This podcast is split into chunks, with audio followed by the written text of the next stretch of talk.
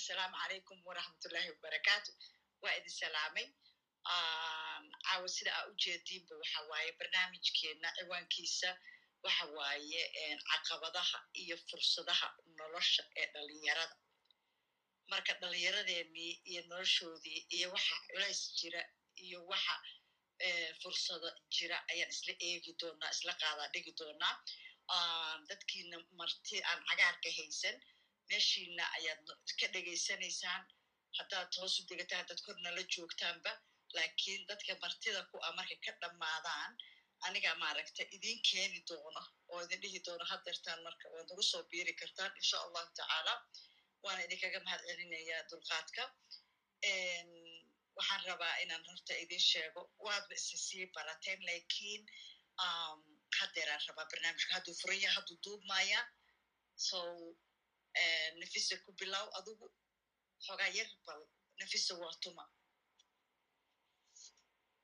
Asalaamu calaykum waraxmatullahi wabarakaatu lul thank you so much walaal macaan. Dhiirigelintaada iyo maaragtay abaabulkaana abaabuleysa inaan ummadda wax u tarno waa ku mahadsan tahay. Aniga waxaa la yidhahdaa nafisa samatar waxaan deganahay magaalada washington. Muddan reer maraykan ahay. Dadkii halkan da'dooda markii saddex loo qaybiyo laba joogaan ahay. Minisdaas muddo badan. Waxaan ka mid ahay gabdhaha oo ka dhaqdhaqaaqo magaaladan oo caawiyo ummadda. Markii horena waxaan samayn jiray communitygan la shaqayn jiray meel waxaan leyn xafiisa oo dadka dibu dejin. Markay qaxootiga yimaadaan la dejiyo guri loo raadiyo laga caawiyo waxyaalo badan social service. Markii dambena waxaan u wareegay qaybta aqoon isweydaarsiga iyo in waalidiinta iyo dhalinyarada maadaama aysan macna aniga badan ii samayn weysay dadki in wax loo qabto way fiicanta lakiin dhinacyo badan inaan ka kalan galno oo iskala qaybin ay noqotay anii sucaado waxaan ka mid ahayn dadka maaragtay dhinaca u batay aqoonta iyo in waalidiinta iyo la baro wixii ay sidii caruurtooda ay u korsan lahay ama dhalinyarada maskixiyan loo dhisi lahaa. Ani waxaan ka halkaana wax ku bartay. Waxaan bartay human services. Aadamka sida loo caawiyo iyo sida loo dhiirigeliyo marka haddan waxaan ka shaqeeyaa. Waxaan kaloo ahay director of somaly business women association. Dhowr sano ka horaan soomaaliya ku noqdan siribal waddankiina wax ka soo qabo marka organizationkaasaan soo dhisay chamber of commerce aan la shaqeynayo muddo adiga laba sano ah marka organizationka gabdhahaan dhisay guddoomiye la iga dhigay soomaaliya oo dhan hargeysa maxaa la yidhahdaye ilaa iyo dhinac walbe kismaayo baydhabo maxaa la dhahaa gobollada dhexe meel baan tegi jiray si loo kor loogu qaado gabdhaha ganacsatada ah maadaamayse iyagu awood u lahayn inay sida rag oo kale inta isu yimaadaan shaah isla cabaan wax isku darsadaan in ayaga la soo saaro la baro inay wax isku darsadaan inay helaan dhaqaalo ka helaan world bank iyo majin fanyada waxyaalaha la bixiyo ilooga dhaqaalaha laga helo inay sharcigu u samaystaan dhaqaalahooda inay u samaystaan meel ay hantidooda ku kaydsan karaan inay ka qayb galaan dadkan inay dhoofiyaan alaabaha sida ariga iyo kalluunka iyo beeraha sisinta iyo loo dhoofiyo kale inay guudskooda u dhoofin karaan ay gabdhaha dib ugu noqdaan inay gacantooda wax ku soo saaraan sida babiskii oo kale saladii oo kale. Macnaha olahaasaan wadnay ani waxaan ka ahaa gabdhihii waxaan ahaa diida diiday oo ogolayn in bac lagu adeegto saladii la soo celiyo.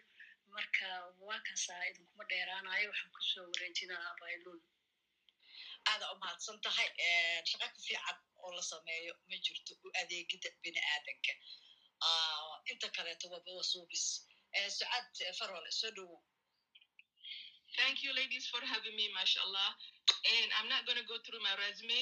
16 hour labor and delivery so joge halay. and thanks for having me. I'm a mom of three. Somali community aan u shaqeeya Seattle, Washington aan deganahay. Muddo soddon sano ku dhawaada Maraykan jooga. I got my education here in Seattle, Washington. 20 years aan lay qabaa. Nafisa hadda la shaqeeya. Thanks for inviting me. I'm here to answer as much question as I can. Uh, yes, thank you. aada u mahadsan tahay laakiin labadiinaba waxaad hilmaanteen shaqada aa qabataan waa uu waa hay'ad hay'addana magaceeda ku dara oh aniga Ha aniga waxaan ka shaqaynaa walaalo hay'addeena. Hay'ad keliya uma shaqeyna waxaan u shaqeynaa magaaladoo dhan. Pilot project oo waxaan ka shaqeynaa lagu wacyigeliyo dhalinyarada iyo waalidiinta ay wada leeyihiin school districtiga iyo king countyga iyo siriga iyo maxaa la dhahaa federaalka iyo caafimaadka isu tegay. Marka waa pilot project oo loogu talagalay markii laisla arkay caqabadihii dhalinyarada ku soo fool laheyd iyo dhibaatooyinka naga soo gaaray. Intiin la shiray la fariistay adiga afar sannadood ka hor waxaa laga tashaday sidii loo caawin lahaa. Marka cid walba contribution ay bixisaa annaga waa waan la shaqaynaa marka waan wada shaqaysanaa basically. Pilot program aan ka shaqeyno ani nafisa waxaa ka mid ah pilot program ay sameeyeen university of washington oo la yiraahdo guiding good choices waa waxa weeyaan from children from age of maxay yirahdaan seven to fourteen. How do waalidiinta ayay ilmahooda ay kala hadlaan daroogada because waxaa la rabaa in laga bilaabo age early age. Ilmaha marka laga hadlaayo daroogada sigaarka muqaadaraadka iyo saaxiibtinimada. Aniga lama kalama hadalna ilmaheena waxaa siito but this pilot program waxa weeyaan ilmaha from age early on like early learning from seven to fourteen marka nafisa ana ay maxaa programkaasaan qaadanay we turn into a program oo oo waxaan ka dhignay cultural appropriate. So we integrated into our own with the maxaa la dhahaa training of university of washington maxay yidhahdaan trainingkooda iyo kena isku darsanay so then it's a six week maxaa la dhahaa long waxa weeyaan program.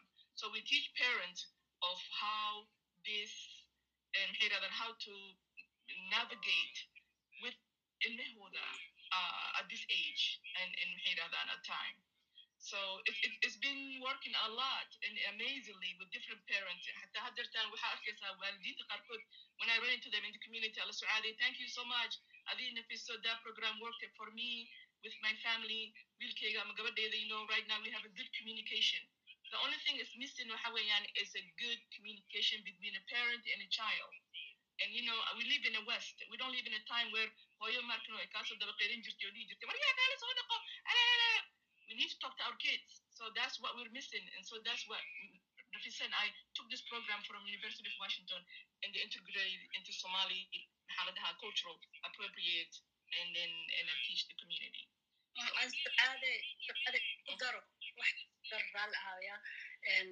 Keliya aan xasuusano qofka marka warka dhamaysa inay muud gasho microfonadu markay isku furan yihiin codka wuxuu noqonayaa si kaleeto marka programkaasna calaashaan program aad u magac macaan waaye guiding good choice. calaashaan hagidda ama ku talinta doorasho wanaagsan bal ku soco marka waxaan rabaa inaan ugu idinkugu daro pilot projectigan aan ka soo shaqeynay. Horta markii laisu yimaado waxa laga hadlo waxaa la rabaa in la keeno xalkiina haddaan caawa dhan ka hadalno dhibaatada ilmaha soo food saartay waxa ku dhaco. Of course we have millions questions iyo su'aalaan haynaa laakiin annaga waxaan ka mid nahay gabdhaha oo yiri war caqabadan na soo food saarta sidee u caawin karnaa? Ma raadinaa sidii aan ku caawin lahayn dadkan aan meel uga soo saari lahayn? Marka waxaan soo xulanay shan bro shan cashir ayaan qaadanay ama maxaa la yirahdaa subject oo laga caawin karo dhalinyarada. Dhalinyaro badana bageka ku xiran english iyo somali labadan waa ku hayna. Marka waxaa dhaha learn how to help your kids make a positive choices. Support your kids to say no drugs because carruurta markii ay dhacdo inay iskuolka aadaan ama banaanka u baxaan waxaa jiro beer brusher wax la yiraahdo caruuro kale intay u yimaadaan waxay ku bushkaraynayaan inay waxadaan inay maaragta jirkooda ka ganacsadaan inay daroogada isticmaalaan. Maalinta dambena gurigaaga intuu yimaado hooyadiis dahabka ka xadaya marka waxaan barnaa programka ma ahan keliya waaridka waaridkii iyo caruurtii baan isku darnaa. Afar subject waxaan barnaa waaridka halna waxaan barnaa sidii dhalinyarta ay u diidi lahaayeen haddii caqabadda ay soo food saartaa in lagu qasbo inay commit crime ama dhibaatooyinkaas galaan. Kan kale waxa weeya understand brain development and how it affects your child's behavior. Cunugaaga dhaqdhaqaaqaysa iyo dhaqankiisa iyo maskaxdiisa sida u korin lahayd waana wax muhiima maanta in ilmahaaga maskaxdiisa la koriyo. Ayaa markii hadhow hoos loo sii daadego casharka aan bixinaynana waxaan ka hadalnaa sidii ilmahaas loo kobcin lahaa maskixiyan iyo dhaqan labadaba. Kan kala kale waxa weeyaan set a clear family rules to keep kids safe. Si ilmahaaga macnaha waa inaad xeerar cad cad dhigato ood miiska soo saarato. Hadday ilmuhu ka arkaan inaad jilicsan tahay ama aadan ahayn hooyo ama aaba adag iyaga advantage kaa qaadanayo. Way ogyihiin carruurtu dhan way naga aqli badan yihiin dhaqsay wax bartaan kaasna waan samaynay markii aan samaynaynay maarata curriculumkeena waxaan kaloo samaynay strength family bounding sida adiga iyo ilmahaaga isugu soo dhaweynaysaan oo u samaysanayna xiriir dhab ah oo idinka dhexeeya isjacayl ka soo ad aragtaa ilmihii markuu toban sano soo gaaro wuxuu bilaabayaa madaxa inuu taago hooyadiis ku afceliyo gameka oo hor fariisto haddii uu jacayl jirin laga soo bilaabo marka hoosta oo aan laysla soo dhisin ma imaanaysa inbounding ama isku xirnaan iyo xiriir wanaagsan. Xiriirka wanaagsanaa markuu burburana not only aabahay hooyada carruurtiina maaragta dhibaata ka soo gaarayso. Kaasna waa ku jirtaa curriculumkeena reduce family conflict thoughts anger management. Marka waalidku uu xanaaqo ama aabaha ama hooyada programkan waxaa loogu talagaa iyeeyo aaba hooyo abti waalid oo dhan iyo caregivers gabdhaha oo child care providerska ah ama ilmaha group ku hayo waa loogu talagala ayadana waa waalid oo dhan iyo qofkii ka shaqeeyo projectigan oo ilmaha xanaanada. Marka caradana waa taqaaniin markuu qofka caroodo wuxuu dhibaato u geystaa inta ku xeeran iyo inta gurigaas ku xeeran. Marka projectigan kolleyba ee abaylul wayhe linkiga waa u dirnay qofkii raba inuu moor sii ogaado si magaalooyinkiina uga abaabushaan oo caqabadan loo yareeyo waxaa idinkula talin lahaa idinkuna bal inaad nala eegtaan marka waa kasaa programka aadaa u mahadsan tahay. Nafiso waxaa kaloo barnaamijka caawa ayagana maaragtay qayb ka ah oon hagidda keliya aan ku jirin tiam kurmiso laba qofood oo ah saadiq abwaan saadiq labsarax iyo qoraa nageeye xerse nageeye soo dhowow asalaamu calaykum waraxmatullahi wabarakaatu soonqaad suuban tiam kulmiso dhammaantiin aad baan idiin salaamayaa walaalahayga halkan iga horreeya ka hadlayna runtii aad baan u salaamayaa magacaygu waa nageeye waxaan ku noolahay waddanka jermalka arday baan halkaa ka ahay. Inkastoo noloshaydu mar walba ay ardaynimadaas ku xiran tahay oo ku taxalluqdo. Nersinkan hadda halkan ka bartaa sidaas lul sheegtay. Qoraagaasna marmar waa noqdaa. Sidoo kale yaalla abuur. Aad baan dhammaantiin idiin salaamayaa wanaag iyo khayr baan idiin rajeynaya assalaamu calaykum soo dhowaada dhammaantiin aad baad u mahadsan tahay nageye saadiq soo dhowow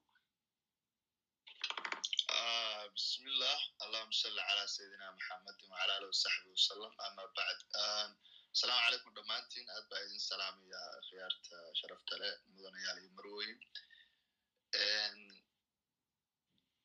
idin rajaynaya caafimaad qab iyo rabadaan wanaagsan farxad iyo reereen bay tahay inayn madashaan isugu nimaadno inagoo ka hadlayna ubadkeenna iyo caqabadaha hortaagan.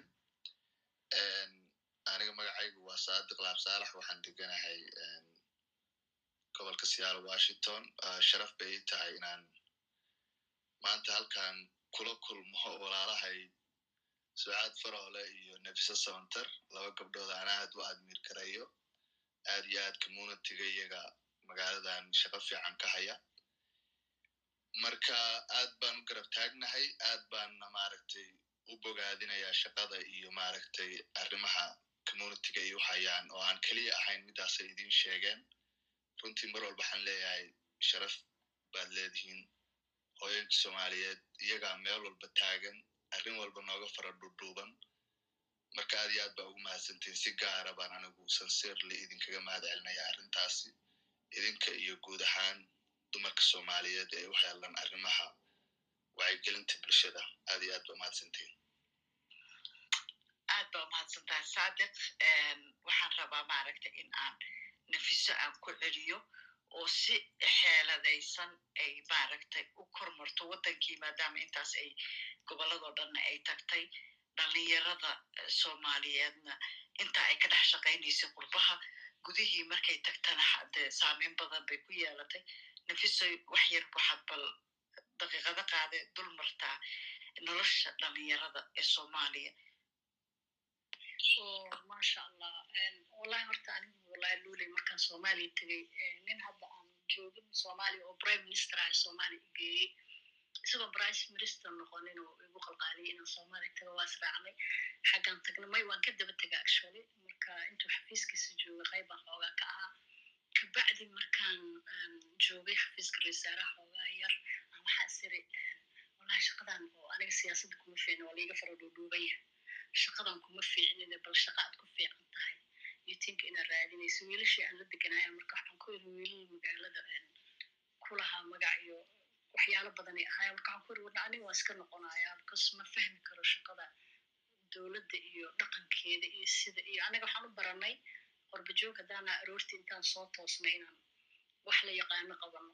Laakiin wixii markay yihiin homework waad ku wareereysaa special dadkeena naiifkoo dibadda ka yimaada aaday ugu wareeraan dhaqanka waddanka isla markiiba markii aan aan ganacsatada dhex galay oo la ii dhiibay xafiiska wixii ugu horreeya aan ka fikera waxay ahayd oo dhalinyarada sidee loo caawin karaa? Because meel walba markaad tagto badda waxyaalaha ugu yaabka badnaa waxay ahayd marka maalinta aan aadno badda liido. Waxaan arki jiray aan ka soo baxo amaad istiraada banaanka waxyar lugay waxaan arki jiray afar boqol oo dhalinyaro horteeda lugaynayso you imagine? Afar boqol oo dhalinyaro ah oo hortaada lugaynaysaa arkaysa oo midka ugu weyn uusan labaatan sano gaarin oo yimid meeshan soo maaragtay rabo inay ku ciyaaraan badda ee iska dabaashaan waan la yaabi jira waxaan ku dhihi jira dhalinyaradan sidee loo caawin karaa maxaa loo qaban karaa caqabadii ugu badnaa waxay ahayd dhalinyarada soomaaliya joogto iyo dhalinyarada annaga qurbahan ka cabaadayna laakiin soomaaliya way naga sii liidataa maxay nooga liidataa control ma jiro ilmahaagii adiga aad dhashay gurigaagii adigo aad dhex deganeed carruurtaada ma controli kartid waxa u imaanaya deriskii saaxiibadii baa u imaanaya qaraabadii baa guriga imaanaysa waa obin. Sidan oo kaleo albaabka ku xiran oo adigu albaabkaaga controlaysa maaha ilmahaaga waxaa laga bartaa adiga haddii aad u fasaxda tv-ga iyo inuu ka barto maxaa la yidhahdaa geemankuu ciyaaro. Daas riskiga oo ugu badan oo u dhow. Laakiin halkaasito waa freedom. Cid walba meeshay doontay maraysaa meeshay doontay ka bixisaa caqabada ugu horreya waxayd ilmihii dhaqsuu ku qaangaaraya. Marka shan iyo toban sano cunugu markuu gaaro waa qaangaar wuxuu bilaabayaa inuu gabdhaha la haasaawo wuxuu bilaabayaa inuu maaragta wax dhibaateeyo wuxuu bilaabayaa darooga inuu isticmaalo ama uu ka qayb qaato muqaadaraadka iyo waxyaalaas inuu ka qayb qaato. Markaasay dhibaatada imaanaysaa wuxuu bilaabayaa marka in la yidhaahdo wiilkii gabarha la siiyo. Because aabihii wuxuu arkayaa wiilkiisii oo qaangaaro rabo inuu warwareego ama maalin walba commit crime oo wax qalad samaynayo gabarha la siiyaa lee mid yaroo asaga la egaa lagu daraaya marka ani waxaan dhihi lahaa caqabada ugu badan oo dhalinyarada aan soomaaliya ku soo arkay ilmihii oon dhisnayn oon lasloo soo diyaarinin inuu aaba noqdo ama gabadhii oon loo soo diyaarinin inay hooyo noqoto oon weli gaarin agekii loogu talagalay ay ay mas'uuliyad qaadi lahayn ayaa mas'uuliyad mas'uuliyad weyn qoorta loo geliyaa. Annagoo ka cararayno ama gabadha ur yeelataa ama wiilka maaragtay meelahaas warwareegaa amin aan ku dhex tuurnaa taasaa markaas keenayso gabar yaroo shan iyo toban sano jirta intay ilmo dhashaa la furaa ilmihiyaa marka dayacmaayo gabadhi isla markiiba waa la soo furaa marka aniga haddii aan dhaqaala haysan lahaa amaan awood u lahaan lahaa inaan empowerment ku sameeyo dhalinyarada waxyaalaha ugu badan oon aan xooga saari lahaa caqabadaas aan ku xalin lahaa waxay ahaan lahayd inaan u furo meelo lagu baro how to build their own relationship intaysan guursanin ka hor iyo shaqo abuur ka baxa baayo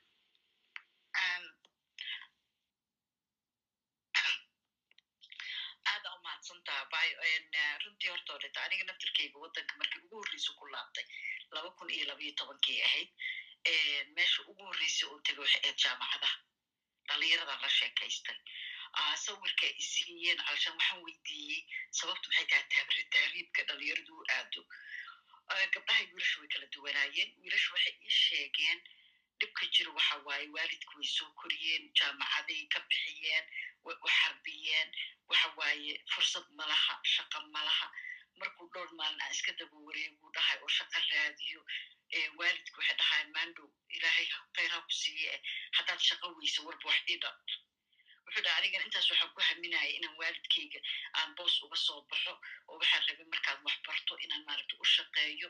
Laakiin laba kala daran kala dooree noqonaysaa oo ah in aad waalidkaaga warka ka diido ama inaad iska guursato oo haddana adigii lagu biilaayo haddana ilmahaagii ku soo biiraan oo lagu biilo marka intaas dhici lahayd inaan iska dhintaan la qaato haddaan dhimanayo haddii kale aan badbaado oo aan markaaseeto qurbahaas tago oo wax ka helo waxa kaleeto oo ay isoo tuseen aniga berigaas facebooka toddoba boqol oo qof bisa iigu jirto oon qof qof u aqaano inta kale wa ii xirayd qof aanan aqoonin mis ma ku darsan jirin.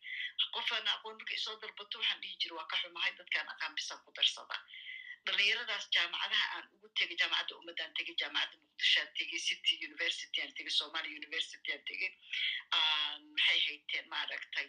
Runtii jaamacadaha ugu waaweyn dhan xamar magaalada xamar waan tegey waxay ii sheegeen marka in caqabada jirtana ay tahay role model dhan ma laha.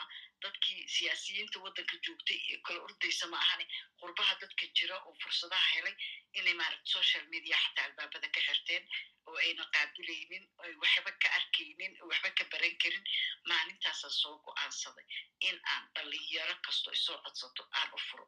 Bogeygana publican ka dhiga ilaa uu shantii kun buuxsamo oo maaragta horta maalmihii asalaamu calaykum waraxmatullahi wabarakaatu axmed maxamed islaam axmed madobe iyo saciid cabdullahi dina waa la dhaawaa asbitaal baa loola cararay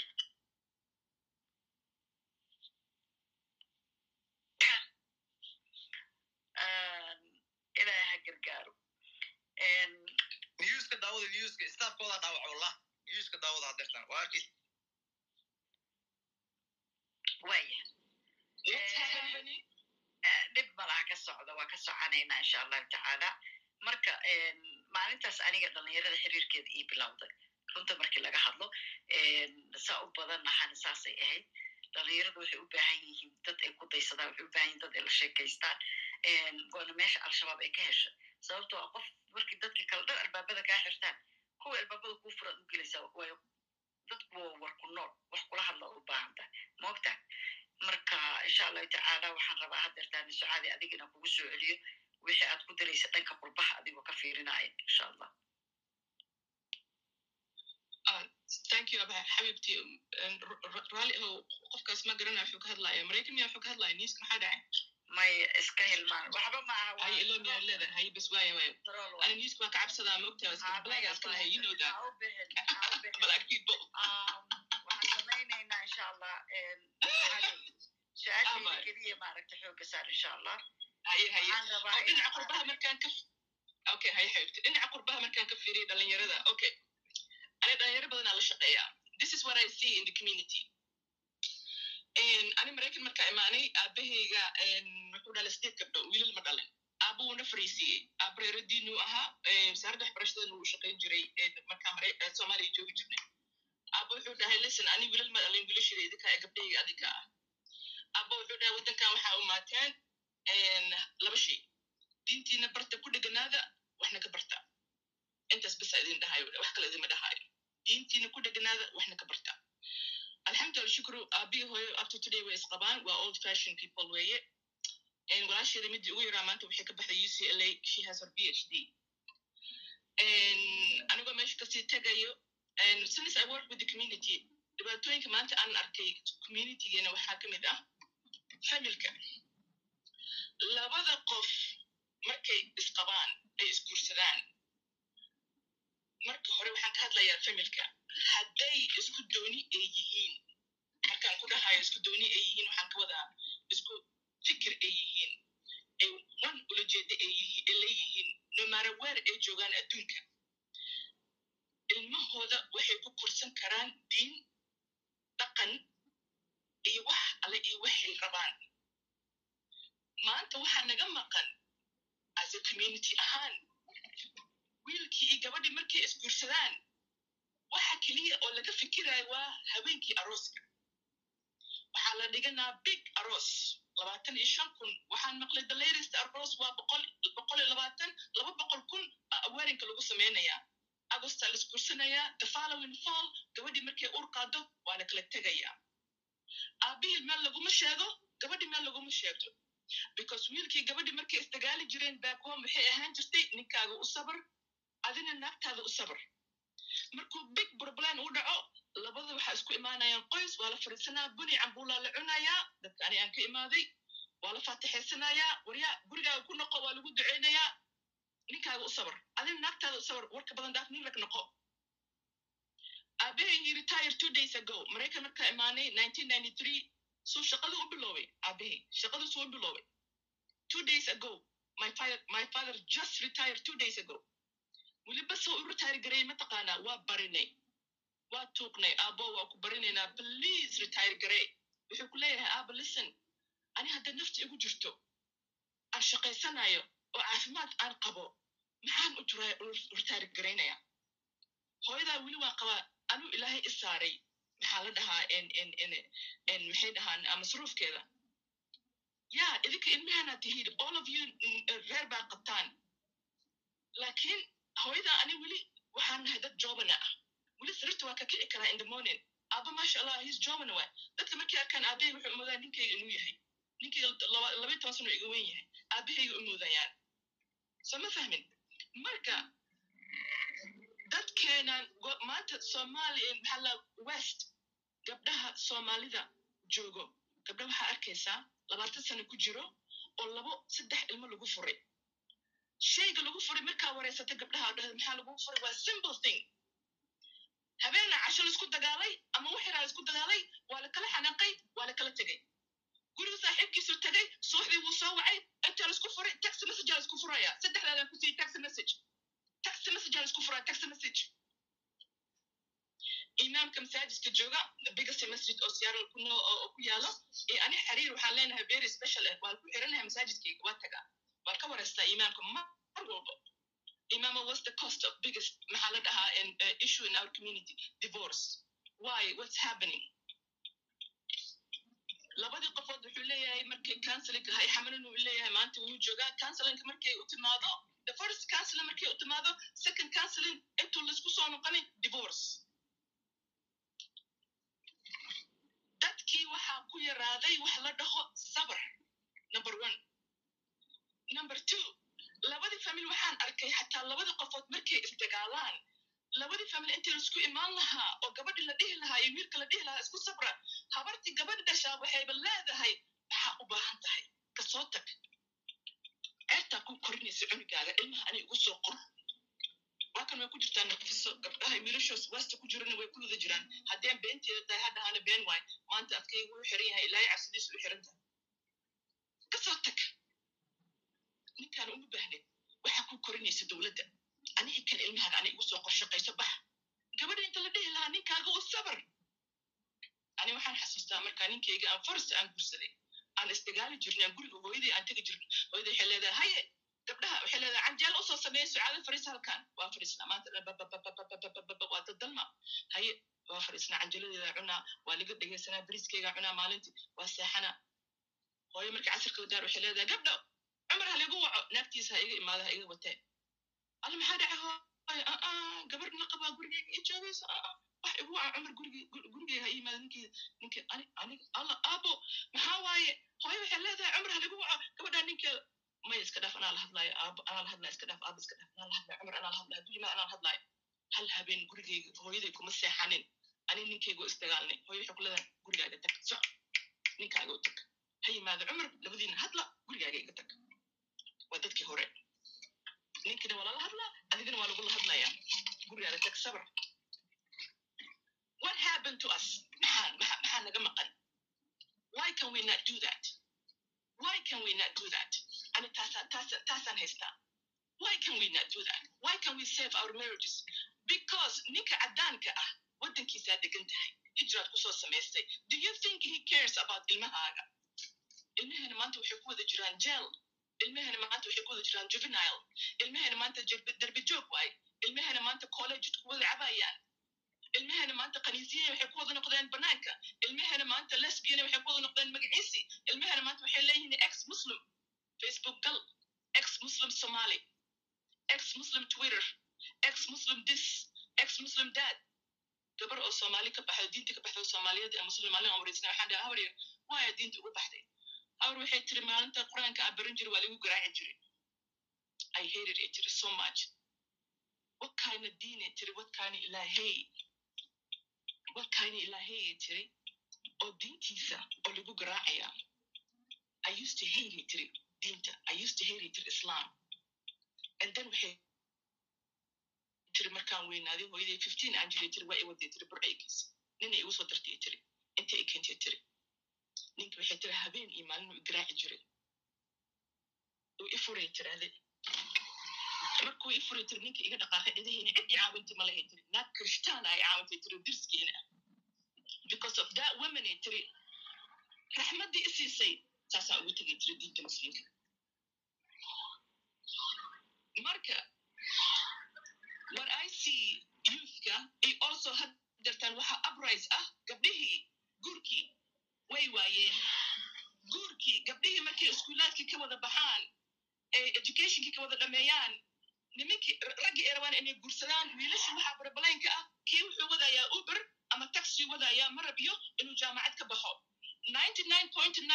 soomaali gabdhahooda oo degan west waxay ka baxaan iskuulaadka higher education ay haystaan. Tii ugu yaraa waxay haysataa masters degree. Markay iskuulkeeda dhamaysato soddon ay joogtaa weli guriga hooyadeeda degan tahay gabdhahana way taqaanaa we have only our biological clock it runs time baan haysanaa gabar walaashay ay jirta maanta b h d ay haysataa thirty six weli lama gursan wiil al wiilkan bara wuxuu ku leeyahy aa gabar b h d haysato ani saan ku gursanaa taas ana adidaaba ii talinaysa nin rag hadduu ahaan lahaa wuxuu dhihi lahaa maasha allah i don't care b h d hadday haysato waa gursanaa gabar waa maxaa dhacay famil fiican ka timid diinay taqaanaa xijaabi weeye waa gursanaa laakiin meeqa gabdhaa joogaan oo soomaaliya madax bannaan oo education haystaan waa laga baqanaa gabdhihii ma la rabo in la gursado haye tii la qabane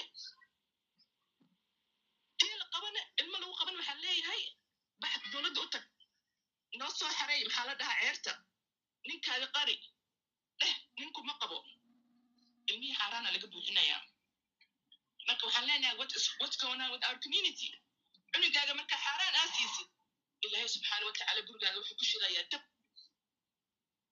Adi salaada iska foorarsanaysaa ramadaanaa soomaysaa xaj baad aadaysaa ye ninkaaga waxaa leedahay ima qabo waa boyfriendigeyga waa sanad walbana uraa qaadaysaa marka dhalinyarada waxaan u soo jeedin lahaa number one reexamar waxay dhaheen bilis joogto beeceeda ma weynayso.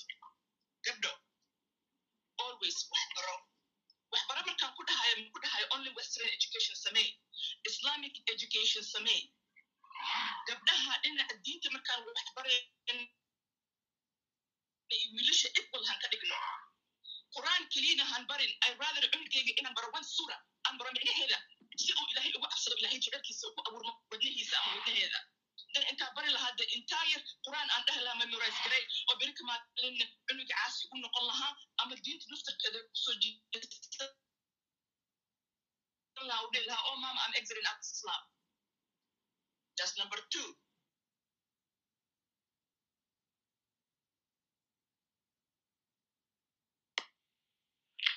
hadhow ilmaha waxa adduunka waxa u qaban karo dalkooda waxa u qaban karo diintana waxa u qaban karo marriagekeedana insha allah successful wuu noqonaa markaasayta ninkeeda gacmaha way ku dhiganaysaa ninkaasne gacmaha wuu ku dhigayaa teeda kaleete gabdhaha iyo wiilasha waa inaan equal ka dhignaa markaan raise garaynayno aniga soomaali haddaan nahay wiilka waxaan saarnaa peristol gabdhahan dhulkaa lagu dhaqdaa wiilasha waxaa la leeyahay alla wiilkayga halkaa ha loo dhigo maxaa la dhaha cuntada. Gabdhaha waxaa leeyahay orod cuntada soo kari dharka u dhaq waxa u sameey kan u sameey wiilasha markay gabdhihii guursadeen maxaa dhacay waxay u moodayaan habartii waxay u samayn jirtay afka cunto ugu gelin jirtay ee naagti u rabaan in naag cunto ugu geliso.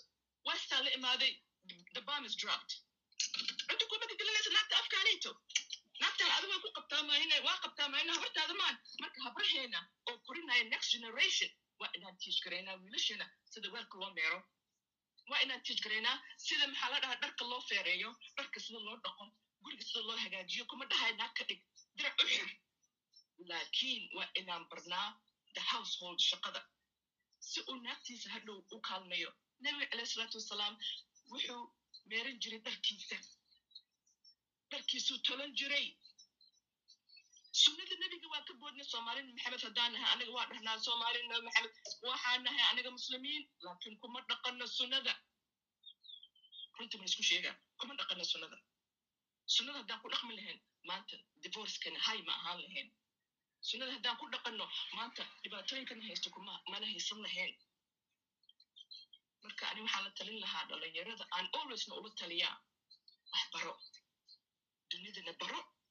Aakhirana baro. Intaasaa uga baxay aad iyo aad oo mahadsantaa socade haddana waxaan soo soo dhaweynayaa abwaan saadiq laab salaax tiim kulmise ka mid ah soo dhawow abwaan bismillah. Asalaamu calaykum dhammaantiin ramadaan wanaagsan. Aad baa idin salaamayaa lul carraweel aad ba umahadsan tahay.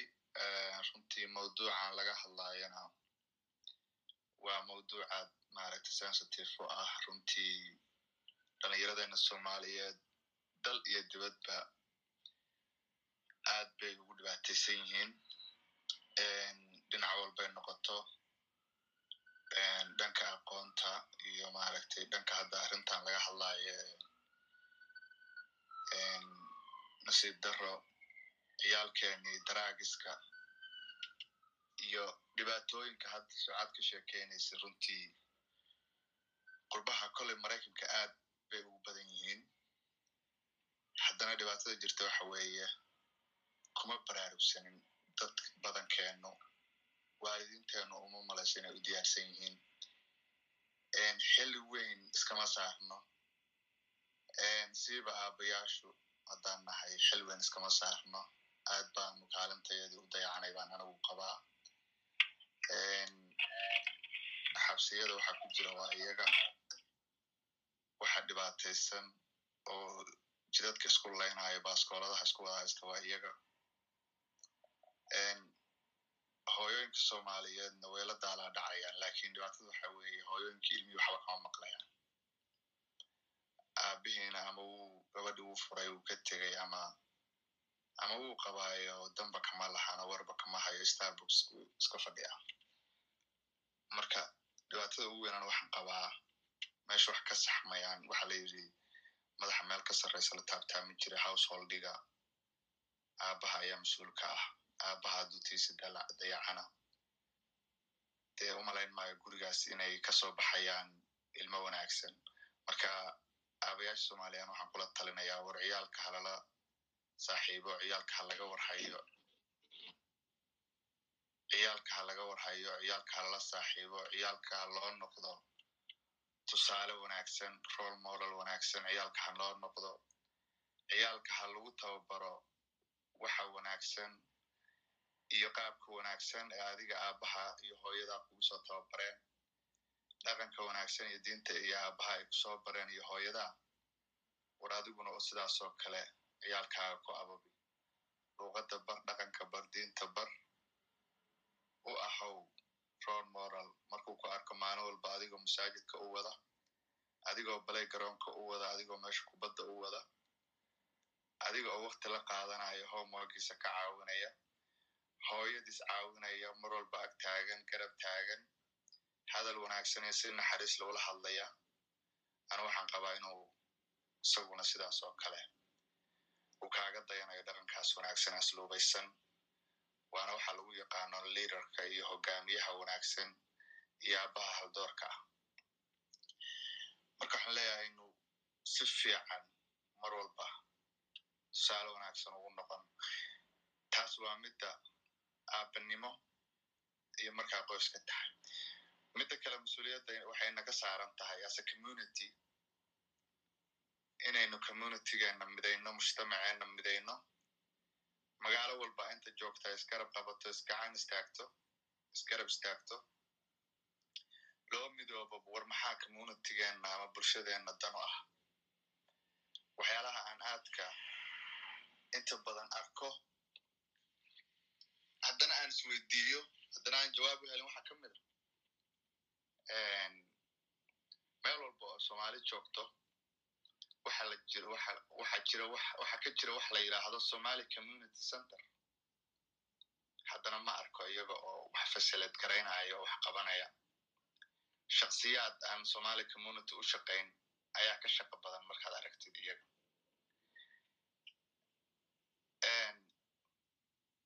waxa la maalin waxaan xasuustaa annaga oo meel looga hadlay arrimaha communityga joogno ayaan waxa weydiiyey su'aal qof ka mida dadkaas somali communityga magacooda wata. Waxaan ku iri grantiska ama fundiska lacagta. Sanadkii aad arrimaha noocaana ku qaadataan waa imisa.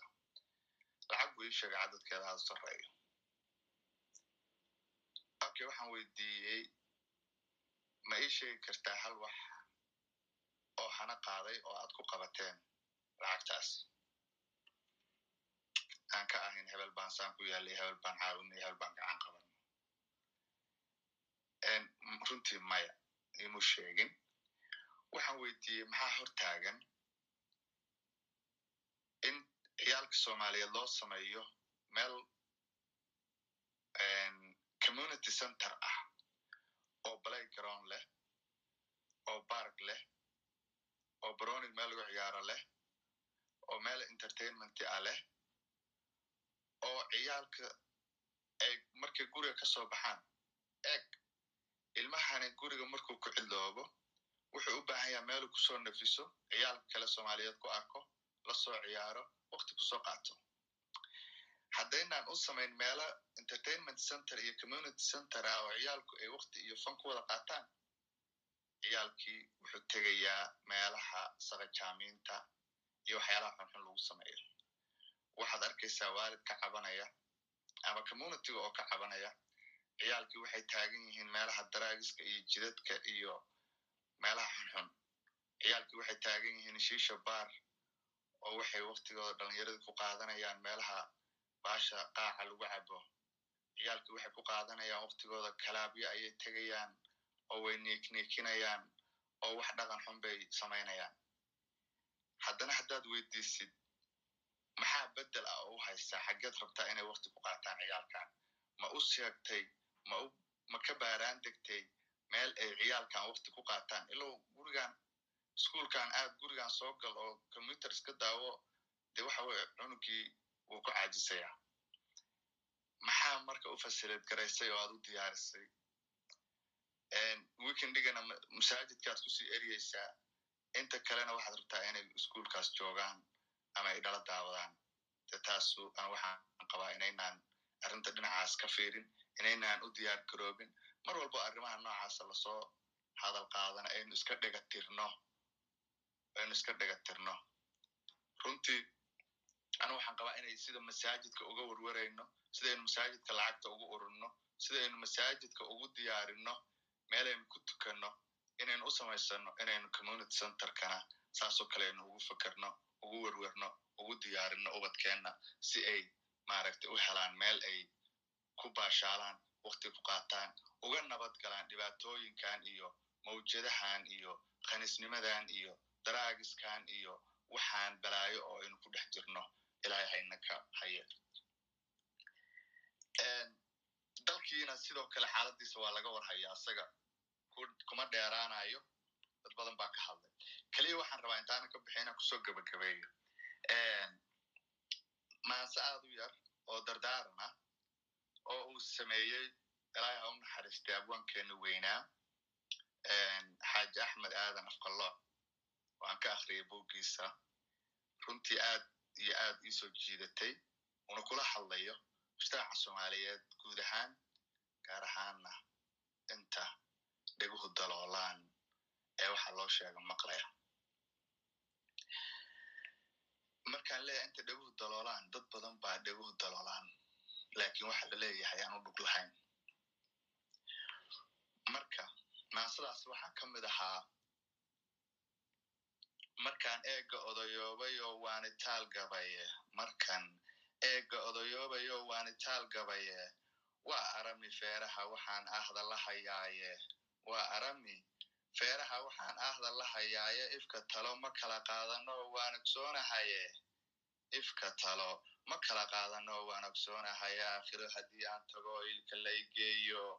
Itixaada waataad sidii ari ahaydeene indhahay isku aragtaan war cadow iskaga eega is aamina danigu waa waxaad ku ibtilowdeene is aqbala qabiilnimadu waad ku ambanaysaane is aqbala is aqbala qabiilnimo waad ku ambanaysaane is addeeca is addeeca uurxumidu waa ayatiin li'iye ujeeddada la qarinaayo iyo ama dhammaandoonku ujeeddada la qarinaayo iyo ama dhammaandoonku waa waxa danteennii akhiray ee iska ogaada qof walba wuxuu rabaa inuu isagu taliyo. Orod kuma gasho taladu waa oodo dhacameede ninkaan aabbihiisa afi jirin looma aamino ee ha ekaanine talo ninkii oran karow dhiiba. Ha ekaanine ninkii talo oran karow dhiiba. Adduun iyo cilmaa qaaliye urursha maalkiina ishtaar adduun iyo cilmaa qaaliye urursha maalkiina ishtaariga oo xoolo badan seeska waadkeeya ha ordina ee xaajada sidii aayinta u dhowra ha ordina ee xaajada sidii aayinta u dhowra. Khiyaartiina daacada tashiga wada ogeysiiya ixtiraama waayeelku waa odayadiiniiye ahlan dhaha wadaadadu cilmay ku akhriyayaane inamada koraaya inamada koraaya waxay ku aslaxaan fiirsha. Inamada koraaya waxay ku aslaxaan fiirsha edabtiyo hablaha sharafka bara waa islaannimo e edabtiyo hablaha sharafka bara waa islaannimo ee umahaadka diintiyo sharciga. Ugu ardaa yeela axmaqnimo wixii keenayiyo turubka aaseeya fakriga aabbihii waa fadhiye. Aad u camal yeesha adigoon indha'a la'ayn waktiga meel ha ku idlaynin afcas baa miyiga laga farraqay laysku aayiro ee ergo dira dhulkoo idil marto. Af iyo liisaan leh. Amni xira naf soomaaliyeed yay ilaan noqone abhiyo dadkaba waanada. Wada ogeysiiya ninka aan aqbalihayn sidaa buugga ku astaya aboorkuba allayluu dhisaa aqallo waaweyne markuu ururo daartuu abyaa la ashqaraaraayo ilku. Ilkuhu wada jirkooday hilbaha adag ku gooyaane. Hadday iniba meel taagan tahay arax ma feentaan. Ilkuhuba wada jirkooday hilbaha adag ku gooyaane hadday iniba meel taagan tahay arax ma feentaane itaaq la'aan itaaq la'aan laguma helo lib iyo iimaane. Abtirsiimo reer hebel ah iyo oday kufaan tuura abtirsiimo reer hebel ah iyo abtirsiimo reer hebel ah iyo oday kufaan tuura indhaa fura hurdadu waa waxaad ku ibtilowdeene injirtiyo kutaantaa ka badan bahalka oo deede ninkaan gurigu aamin. Ninkaan gurigu aamin u ahayn eegi waa debade axdigaydun dhigateen ninkay laba ahaan weydo. Ee idinka ee idinka eed idinku fala ugu arwaax gooya. Ee idinka eed idinku fala ugu arwaax gooya. Ninkii aradka khiimeed dishaan ah sida u diida. Uf intaad tidhaahdaan ka taga arag xumaantiisa. Uf intaad tidhaahdaan ka taga arag xumaantiisa runtii gabaygaas waxaa iska lahaa ilaahay a u naxariisto abwaankeenu weynaa. Xaaji axmed aadan afqalooc naxariistii janno ilaahay ka waraabiyo. Waa dardaaran runtii wax ku ool ah inaynu wax ku qaadanana waan filaya aad iyo aad umahadsanti aad iyo aad maqbas aad u mahadsantaha saadiq abwaan saadiq laabsalax waxaan soo dhoweynayaa oo nagu soo birta nafise xerse maxamuud nafise ogla nafise soo dhowow marka hore. Sida aan hore u sheegayba laba daqiiqo qaado haddii aan la idmo. Haddayna su'aal ka soo bixin hadalkaaga laguma soo noqon doono. Mawlid mana maqle asalaamu calaykum waa idin maqlaya dhamaantiin wacalaykum asalaam waraxmatullahi wabarakaatu adiga tiimka aad baan idin salaamay.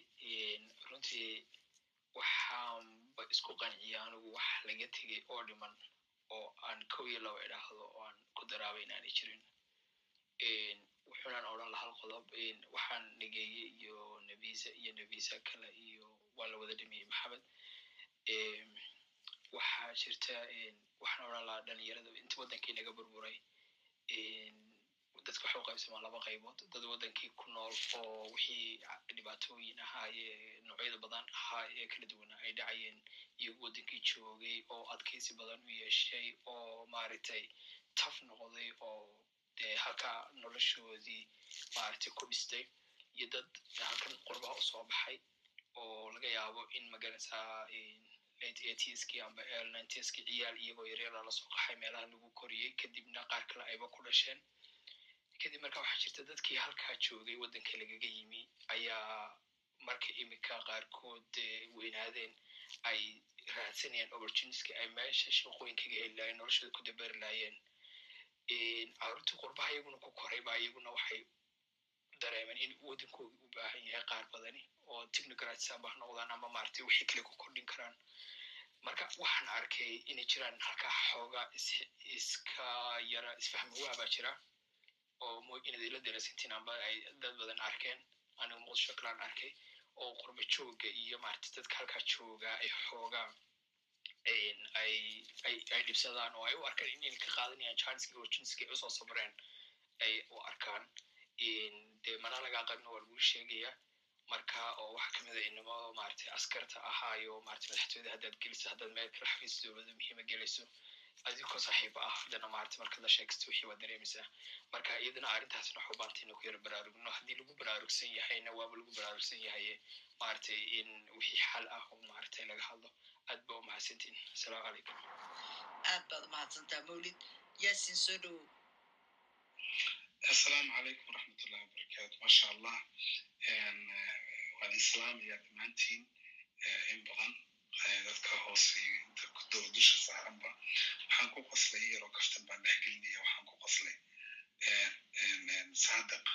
Saadaq de magaca kaga ciyaara saadaq laa salax maya waa laab saalax weeye marka laab salax ma thanks for the correction, bro. My brother, waa deriskaygana waya. marka magac kale magac kale meesha ugu bixin lahayn haddii kaleeto maasha allah intaas waa iga kaftan waa muxuu ahaa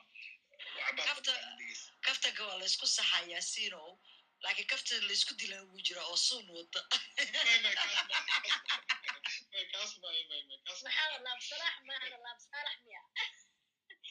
laab saalax waaye calaashaan laabtiisaa saalaxan ee laabta dadka uma salaaxo magacan xataa caadi saalaxna magac weeye mudka caadi ah saalax saalax baheli baada marka laab iyo saalax marka intaas waa intaas. Muxuu ahaa horta waxyaaba badan baa ka hadasheen arrimo fara badan oo aad isku dardarteen luley muxuu ahaa waktiga xoogaa waad nagu yaraysay laba daqiiq wax lagu koobi kara ma aha. Dad fara badan baa ka hadlay arrimo waaweyn oo maaragtay bal dul istaag intii kaaga haboon insha allah aadaan aadaan u kala saaraynayo ayaa jiray. Saadaqoo kale ade wuxuu ka hadlayo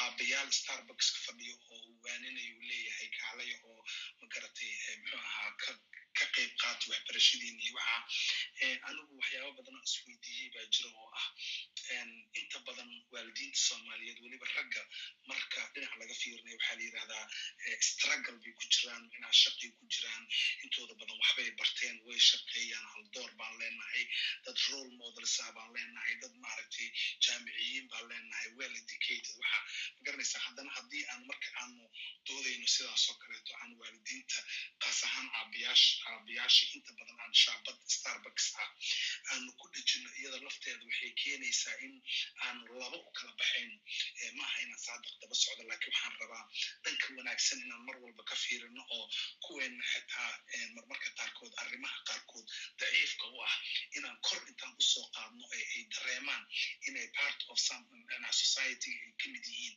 oo isla markaasaytin wax wanaagsan nala sameeyo. Laakiin haddaan noqono laba qaybood oo kala duwan oo qayba dhinac ay joogto kuwaana farta nagu soo fiiqayaan. Annaguna aan iyagu farta ku fiiqayno waxaad u moodaa inaynan waxba sixi karin. Carruurtaa laga hadlay iyo waalidiinta sida wax loo barbaarinayo iyo barbaartuba sida ay tahay. Waxaa la yidhi ciyaalka waxa ee ciyaalka ciyaal kaleeta kaa qaadanayo.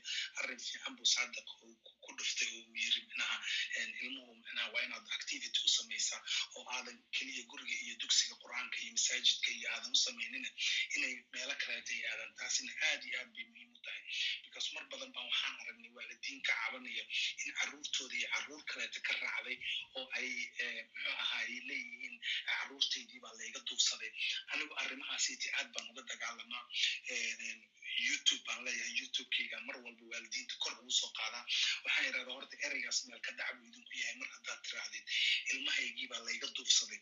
Taas micnaheeda waxaa weeye in si indirect ah ba waxaad u leedahay ilmahaygu waa nacas dee dibadda haddaan geeyo kii rabaa iska kaxaysanaya so sidaas darteed baan waalidiintu waxaan ku ku wanaa yani ku dhiirageliyaa inay ilmahooda iyaga wax ku shubtaan inta ay uga baqaayaan in qof kaleeto uu wax ku shubto oo sidaas darteed ay ciyaalkooda comfortable ku noqdaan alxamdulilah wiilii gabar baan leeyahay ilaahay siiyey wiilalkeygii gabadhaydu maalintii ay dhasheen baan waxaan ku bilaabay in aan buug saaxiib kala dhigo bugaagtii aan u soo iibsho xitaa hadday jexjeexaan dhib ma laha. Waan kabkabaa waan tusaa inaan jeclahay buugga oo waan kabaa oo sharootan ku dhejiyaa oo waxbaan ku dhejiyaa oo markaan tuso qaarkood si way ka sii daraan way ka sii jeexaan dhib male mid kaleetaan soo iibshaa bishiiba waxaan ugu talagalay mid iyo maaragtay laba iyo waxaan awooda iyo waxaan raadsadaa meelaha raqiiska ah oo ma garatay. Laba buug qaado hal buug lacagtiis bixi meelaan ugu leeyahay iyo waxyaabaan raadsadaa maanta alxamdulilah wiilkayga jaamacad buu dhigtaa engineering baranaya sannadkii ugu horreeyay buu dhiganayaa. Yani wax aanan e ahayn kuma qancaan inanteedu dugsiga sare hadda ka baxaysaa insha allah samarkan hadda bil laba bilood waxsaas baa ka haray.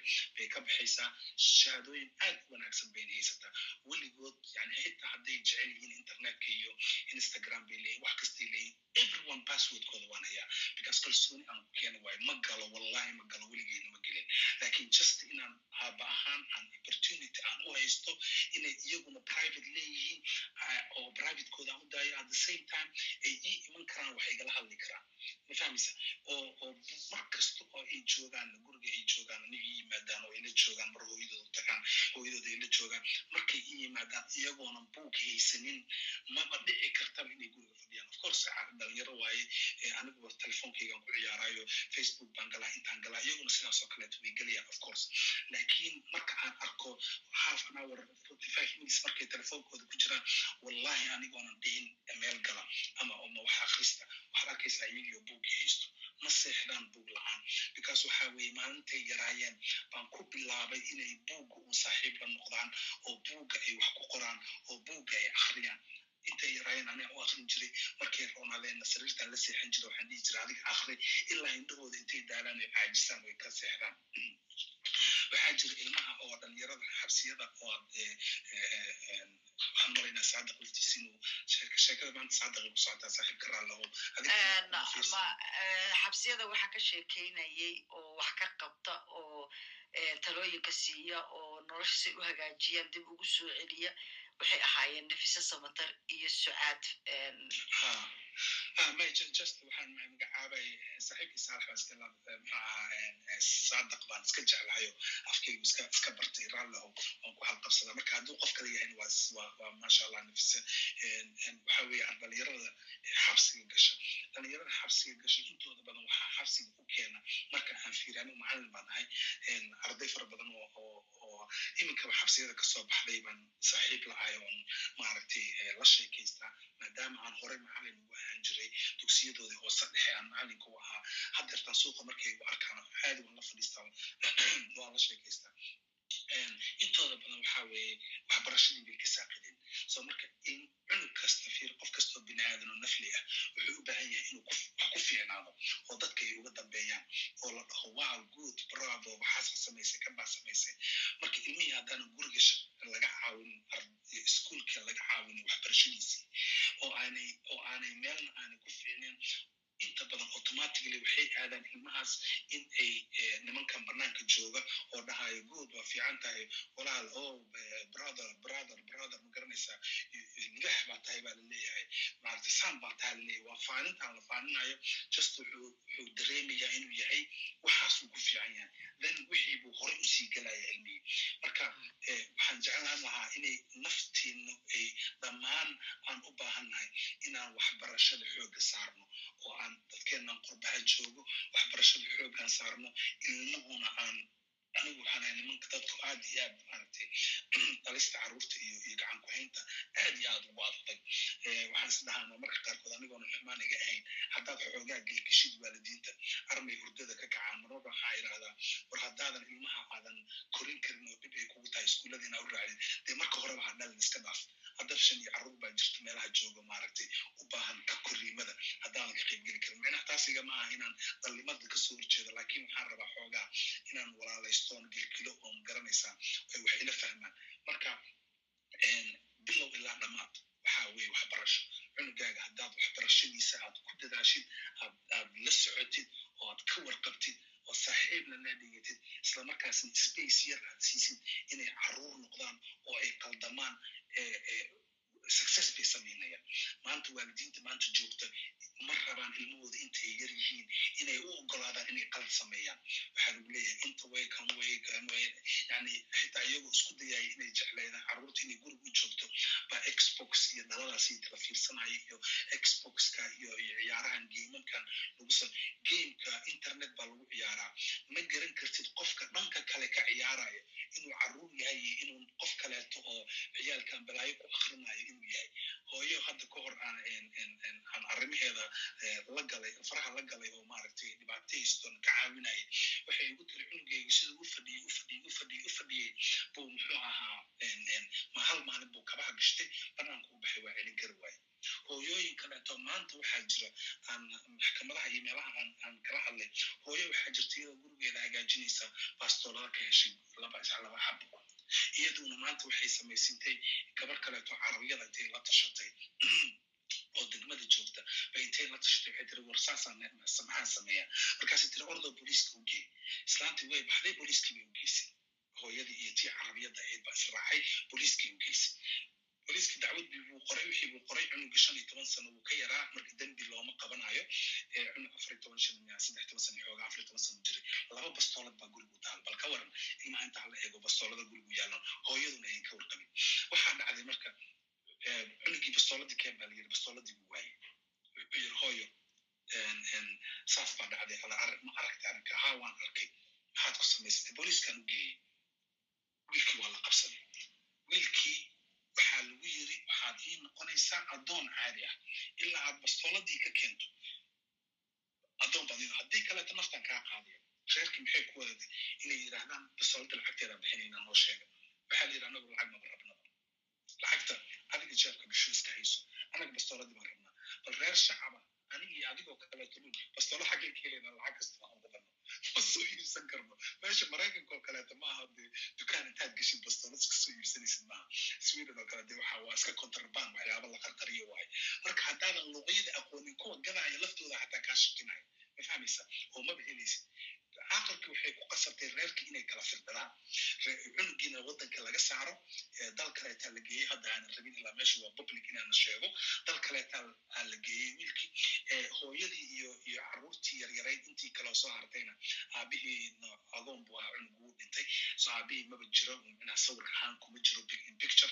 Reerkii kaleetana waxaa la geeyey magaalo kaleeto oo telefoonkii baa laga bedelay adresskii social security numberkii baa laga bedelay wax walbaa laga bedelay. Nolol cusub oo dee waxay bilaabeen yani aan cidna aqoonin saaxiibadood bay ku qasbanayeen xataa ina waa loo sheegay. Hasalaamin baa layiri xataa. Marka waxay noqdeen nolol oo isolation ah inay galaan. Qofka keliya oo maanta adduunka ay xiriir kala leedahay waa aniga. Qof kaleeta ma jiro. Facebookii bay bedeshay raad wax kastii bedeshay waxaan ku leeyahay meel walba ayay tirtirtay totally magaraysa marka dhibaatooyinkaasito kaleetaa jiro. Anigu waxaan qabaa cunug afar iyo toban jir ah oo bastoolada inta loo soo dhiibo bax gurigaaga geesa la dhaho.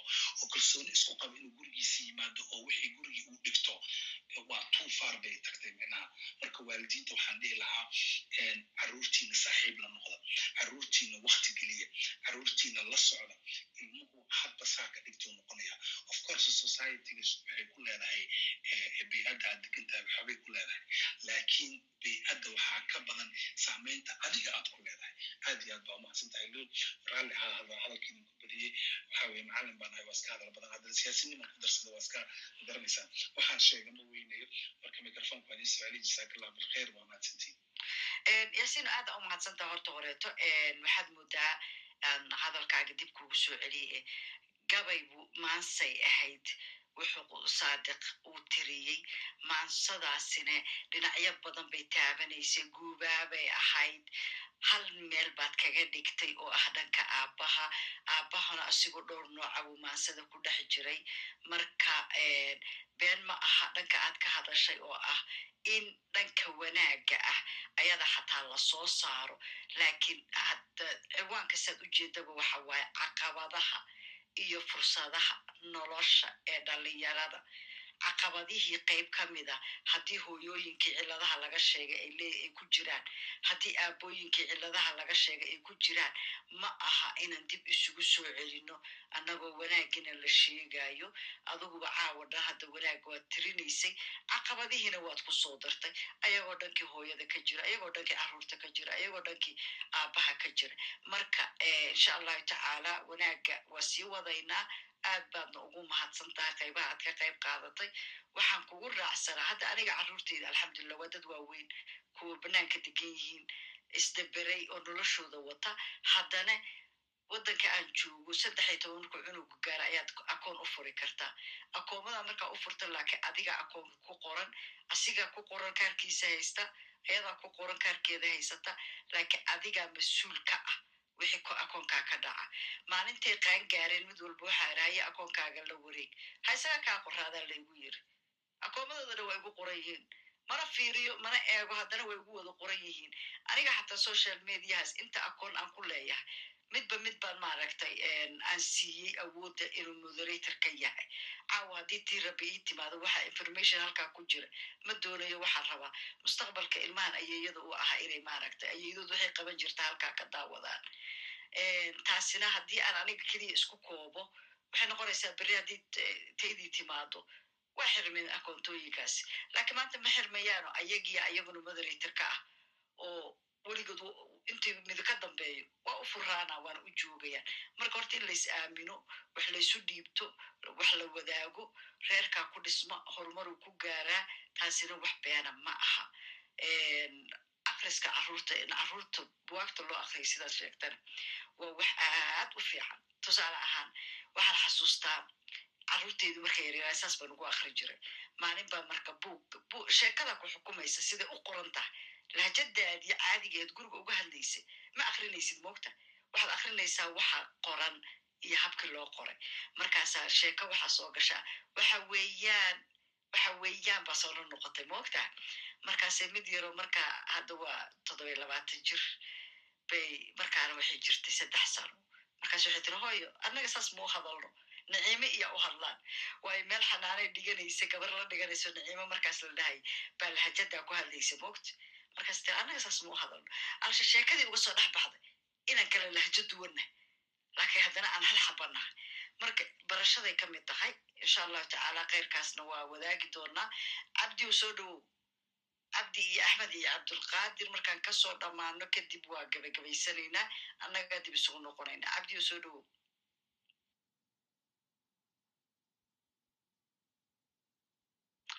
cabdi mana maqle maya. Axmed adigana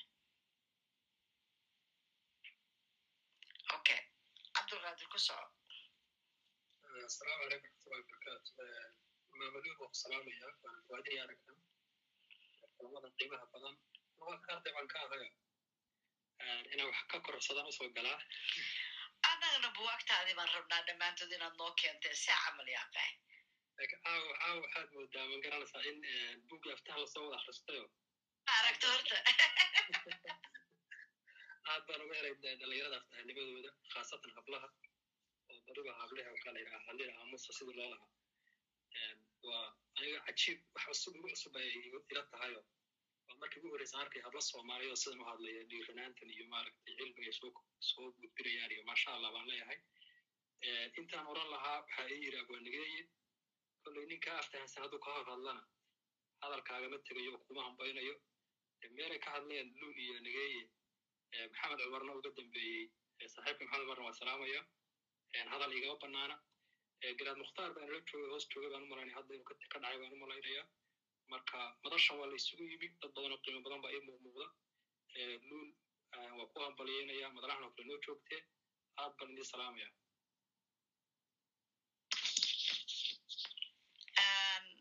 Aad iyo aad baad u mahadsantaa cabdulqaadirow adeer xuseenow haddaad soo qabsan kartid saciid xuseenow aad baan u jeclahay waan ka xumahay caawa inaan ku dhafriyey soo qabso microfonka saddex daqiiqo hadalan kaa rabaa kadibna waa ku fasaxaay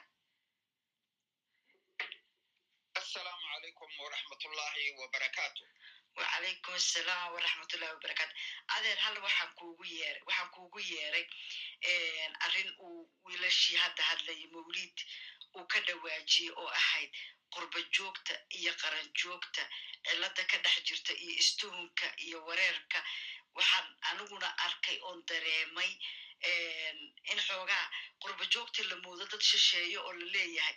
Dalkan unbay wax u soo dooranayaan.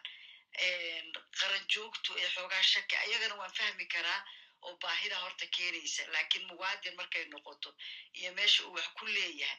Adeerow taariikh waxaa jirta adiguba aad qayb ka ahayd hadraawi ilaahay caafimaad buuxaha siiye iyo rashiid garweyne iyo adigoo tiimahoo badan cadanna jooga dagaalkii cadan lixdan iyo toddobada idinkuugu dhacay bal taa noo dul istaag sawir buuxa oo hiraal wacan ayuu ka bixinaysaa halka lagu socdo iyo waxa qaldane waa tahay waa tahay luul hor iyo horaan dhammaantiin waan idin wada salaamaya sidii rab baan idin salaamayaa farxad bayna ii tahay inaan idinkala qayb qaato. Hadba mawaadiicda aynu soo jeedino aynu isla aynu isla laba gacmoodino iyadiyo mar walba aynu ka faa'iidaysanayno. Aaraada kala duwan fikradaha kala maarata baxsan meelayowga laga kala yimi waayo aragnimada la kala qabo. Intuba waxay yihiin wax aan odhan karo inay nolosheenna hoodaneeyaan maahae inay awooddeenna kor u qaadaan mooyaane inanay marra wax nuqsaan ina ku keenaya aanay ahayn. Taas waa iga yara hordhac iyo salaan aan idin salaamayo. Intii ay hadeerto luul sheegtay haddaan wax yar ka soo qaado kun iyo sagaal boqol iyo lixdan iyo toddobadii waxay ahayd xilli qallafsan oo adduunkaba ay ka socday kacdoon magartay iyo dabayl kacaan dabayl maarata waxaa odhan jiray wind of change. yani waxa weeyaan dagaalkii labaad ka bacdi bay ahaydo waxa aad isu soo tarayey aaya katalinta iyo gobonnimo doonka iyo dhaqdhaqaaqyadii dhallinyarada iyo kuwii kale bulshada iyo dadkii madax bannaanidooda u halgamayey ee ka hor imanaya ka soo horjeeday midabta koorka iyo waxyaalahaas oo miidhan kolkaa xilligaas anigu cadan baa joogay magaalada cadan weliba gaar ahaan jaaliyadii soomaaliyeed ee joogtay waxay ahayd xilligii ay ugu tiro badnayd waxaa lagu tilmaamayay qiyaas ahaan xilligaas. Inta cadan joogta cadan waa gobolka oo dhan. Magaalooyinka u kala baxa cadan iyo macalle iyo tawaahi iyo sheekh cismaan iyo bureeqa iyo magacyo caynkaas oo aydin wada maqmaqasheen ilaa ugu yaraan waxaa lagu tilmaamaya wax aan ka yarayn soddon kun waxaan ka yarayn xilligaas kolkaa jaaliyadda soomaaliyeed ee halkaa joogtaa way urursanayd waxaanu lahayn odayaal duqaytiya oo ilow ila mar walba talada waayeelnimo aanan uga maarmi karin. Iyo dhowr kale oo dhallinyaro ah oo iyagu hawshoodu ay tahay inay la jaan qaadaan waktiga oo maxaanu kolkaa anagu hawsheedu ahayd maamulka jaaliyadda ayaanu si toosa ugu xidhnayn haddaan masal yar idinka siiyo xilligaa aanu joognay oo waxa weeyaan lixdan iyo lixdii iyo lixdan iyo toddobadii iyo lixdan iyo sideedda bilowgeedii intaba anigu xoghayaha jaaliyaddaan ahaa. Howlaha iyaga aan culayska saari jirnay waxaa ka mid ahaa aqal kasta oo soomaaliyeed wuu noo tira koobnaa. Micne waxa weeyaan wuu noo diiwaan gashanaa oo tira koob baanu ku haynay tiradoodu intay yihiin inteebaa dhadiga inteebaa laba inteebaa ardaya inteebaa shaqaysa shaqooyinka lahaya maxay kala yihiin kolka aqal walba waxaanu ku talagallay inaanu hayno tira kooban oo kolka aanu ognahay markana lala soo qaado axwaasha ay jaaliyaddu ku sugan tahay waxaanu mar walba haysanay diiwaan ama register aanu ka daalacano waxaa la yaalla waxaana laka weydiinayo o dhan si aan uga jawaabi lahay ingiriiska xilligaa haystay. Ingiriiskiina meelayo badan baa lagaga kacay. Boqortooyadiisii faani jirtay beledahayd dagaalkii labaad ayay shuuqday. Oo dagaalkii labaad bay yurub oo dham isla duntay. Sidaas awgeed meelo badan baa lagaga kacay. Yamanta koonfureed oo cadani ay ahayd markaa caasimadeeda waxay mar walba u boyi jirtay. Soomaaliya oo agteenna joogta ayaa lixdankii gobonnimo qaadatay oo madax bannaanatay oo qarannimo hanatay. Maxaa inaka meeshayna dhigay oo aynu magarataynana ingiriiskan iyo waxa kan isaga kicin weyne kolkaa dagaal xoog le oo qaraar bay ku qaadeen. Dabayshii xilligaa jirtayna wuu la jiray. Kolkaa dagaalka xilligaa la qaaday ee gobonnimo doonka ee ingiriiska lagu qaaday ay koonfurtaas qaaday. Waxaa jiray dadka soomaaliyeed ee ka shaqaynayay cadan intooda badani waxay u badnaayeen ama qaalibkooda waxay u badnaayeen inta la shaqaynaysa militariga. Militariga markaa dhad waxaanu ka jeedaa ciidanka cirka ciidanka dhulka iyo ciidanka badda. Xataa wax kale iska daaye aqalada saraakiishu ay degan yihiin. Waxaa ka shaqayn jiray gabdho soomaaliyeed oo la yidhaahdo aayado oo kolkaa cilmiga guriga iyo guri guryi dejinta iyo guryi xanaanaynta iyo guryi samaynta iyo guryi gur aqal maamulka iyo aqal bay barteen oo yiqiineen oo lafteedu ay xirfad weyn ahayd xilligaasoo dagaal aad u qalaadhi uu socday waxaa muuqatay inuu dagaalkaasi soo gabagaboobay oo dowladdii ingiriiskii aad moodid in laguna khasbay iyana ay isa soo taagtay khaati ay isa soo taagtay. Oo kolkaa ayba soo dhowaatay in dalka kan koonfurta yamaneed ee cadan caasimadda wahay in madax bannaanidiisii uu hanto. Taasi waxay keentay kolkaa dadkii soomaaliyeed ee aan soo sheegay ee u shaqayn jiray kolkaa ciidamada iyo kuwii kale sharikadaha kale u shaqayn jiray ajnabiga ah haddii ingiriiskii meesha ka tago waxaa imanaysa in ilowla intii ingiriiska ku xidhnayd iyo intii ciidamada ku xidhnayd iyo intii sharikadaha kale ku xidhnayd oo dhammi ay ka fekerto sidii wixii ay ka yeeri lahayd aayaheeda leanno shaqa la'aan baa ku soo baxsanaysa waxoogaa baa la siinaya faraqabsiya oo xuquuqku sheega oo la odhan jiray graduity graduity waa maxay waa marka aad shaqada ka tegaysid ama shaqadii isfanishto waxoogaa lacag ah oo faraqabsi oo laysa siiyo taasaa kolkaa waxay keentay inaanu annagu tala gaadhno taladaanu gaadhnay markaa haddaanu jaaliyadii soomaaliyeed ahayn ee joogtay cadan waxay ahayd inaanu soo qaadanno registerkii aanu diyaarsannay tirakoobkayagii diiwaangelintii kolkaa wafdi aan anigu ka tirsanahay ayaa yimid dalkeenna. Caasimadaanu ka soo degnay. Xilligaa waxaa madax ka ahaa dalkeenna allah u naxariistee madaxweyne cabdirashiid cali sharmaarke iyo prime ministerkii maxamed ibrahim xigaal waxaanu u keennay qoraalkii aan idiin sheegay haddeerto annakoo fariinta aanu gudbinayna ay tahay dadkaasi dhowaan bay soo qaxayaan. Dalkoodii hooyay ku soo noqonayaan waxaa kolkaanu ka codsanaynay in hadday yimaadaan. Waxa alyaaliyo waxay sitaan iyo waxay la soo galaan oo dhan loo fududeeyo ee aan lagu dhibinay si fudud oo sahla oo tayasiir leh oo cashuur la'aan iyo ah iyo dhibaato la'aan. Ay dekedaha kala soo degaan oo dalkoodii yimaadaan. Dalkoodii kolkaa soo galaan.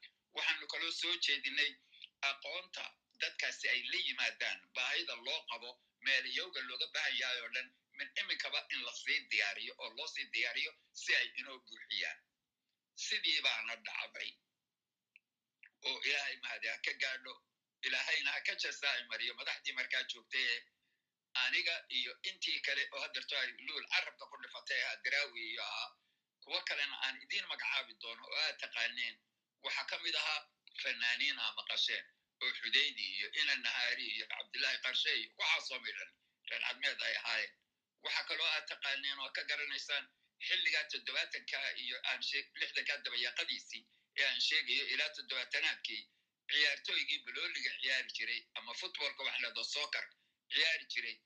Xulka qaranka hadday ugu yaraato koob iyo tobanka la soo xulo sideed baa reer cadmeed ahaan jirtay. Kolka halkaa waxaad ka arkaysaa dadka yimi iyo noocay ahaayeen iyo waxay u soo dalka. Waxaa kaloo jirtay ciidamo bilayska u shaqayn jiray oo ilaa derajo sare ka gaadhay. Ayaa mar keliya intay soo wada goosteen iyana markay dalka soo galeen. Markiiba loo qaatay. Waxaa loo qaatay c i d ga waa dembi baadhista. Waxaa loo qaatay nabad sugidda. Waxaa loo qaatay bilayska caadigaa in alyaaliyo intii kolkaa cid cidla ku dhacday ma jirin ciddii loo baahnaa oo dhan meelaha loo qaatay. Waxa kale oo jirtay oo meel weyn weyn oo waxleynoo ka gufayay waxaa ciddii ka shaqayn jirtay diyaaradaha. Sida waxaa kala dhahda airlineka. Oo waa maxay? Waxa weeye sharikadaha diyaaradaha. Oo markaa eden airways baa cadan ka furay b o a sidaa ka furay. Soomaali badan ayaa ka shaqayn jirtay qaybaha kala duwan ee la xidhiidha sharikadda cirka hadday tikidhagoynta tahay hadday cateringa tahay hadday engineeringa tahay kolka iyana way yimaadeen oo kaalin weyn bay ka qaateen xoojintii ay xoojiyeen sharikadeennii la odhan jiray somalia airline. Halkaa waxaan doonayaa intii ay iga codsatay luul inaan si yar u soo qaado in dadkii xaggaa ka yimina ay wax soo kordhiyeen iyagana sidii loo qabtay iyo sidii loo soo dhoweeyey iyo sidii loo maamusay ay ahayd mid sida xaqiiqda ah laabdoojin ah oo dadkaas muujinaya inaanay kala maarmi karin marnaba. Taasi kolkaa waxay ina gaadhsiinaysaa oo aan anigii kolkaa kaga baxayo si aad garto haddii su'aal iyo kolkaa loo baado aan fursad siiyo ciddii weydiinaysa. Waxaan kaga baxayaa mar walba duruuf kasta ha lagu jiro. Maantaba duruuf adag baynu ku jirnaa. Dagaalaynu soo marray maantana dhibaatooyin badan baa weli taagan. Xiisado xoogliina weli dalkii bay ka taagan yihiin. Waxaan anigu leedahay xilli kasta oo lagu jiro duruuftu jaad kasta ha ahaato dhibaatada taagan nooc kasta ha ahaato mar walba dadkaa soomaaliyeed. Waxyaalaha kulmiya waxyaalaha ay wadaagaan waxyaalaha ay wada qabsan karaan waxyaalaha ay ku faani karaan waxyaalaha ay wax ku dhisi karaan waxyaalaha ay ka midaysnaan karaan ayaa mar walba ka badan inta kala geynaysa ee kala kaxaynaysa. Inta isku diraysa ama inta colaad iyo colnimo iyo ka dhex abuuraysa. Kolkaa mar walba haddii bartilmaameed laga dhigto oo mar walba loo toog inta san iyo waxa isku hayn kara umadnimadeenna iyo waxa maarata isku soo dhoweyn kara iyo waxyaalaha ay wadaagaan. Halkaa haddii laga abaaro dhibaatooyin badan badan badan ayaynu ka badbaadi lahayn oo aynu ilaa iminka mushkiladda ilaa iminka taagan si yaroo fudud loo xallin lahaa. Intaasaan kaga baxayaa aad iyo aad baana aan idinku mahadinayaa. Dhegaysiga ay iga dhegaysateen iyo dushaa u yeelteen wasalaamu calaykum waraxmatullahi wabarakaatu aad iyo aad aad mahadsantaa adeer saciid jaamac xuseen wax adeer saan u fasaxno su'aal qof u qabta miyaa jirta okay doctor saciid soo dhowow waxaan aad iyo aad u jecelahay iminka oo aad moodid inaba iska soo dhodhowdihiin aniga ag jooggiinna iyo wada jooggiinna iyo dhegaysigiinnaasi anigaygaas laftayda oo xilligaa jooga oo waktiguna wakti dambe yahay de inay hayso baan doonayaa inaan idiin sheego. Laabdoojin iyo naruuray ii tahay ka qaybgalka aan idinkala qaybgelayo howlaha aynu hayno. Mana fududaysanayo mar walbana waxay ii tahay waxyaala aniga farxaddi geliya oon ka qaado rayrayn iyo nolol cusub. Aad iyo aad baana idinkaga mahad celinaya maasha allah allaha ku barakeeya adeer doctor saciido soo dhowow microfonkana u soo dhowow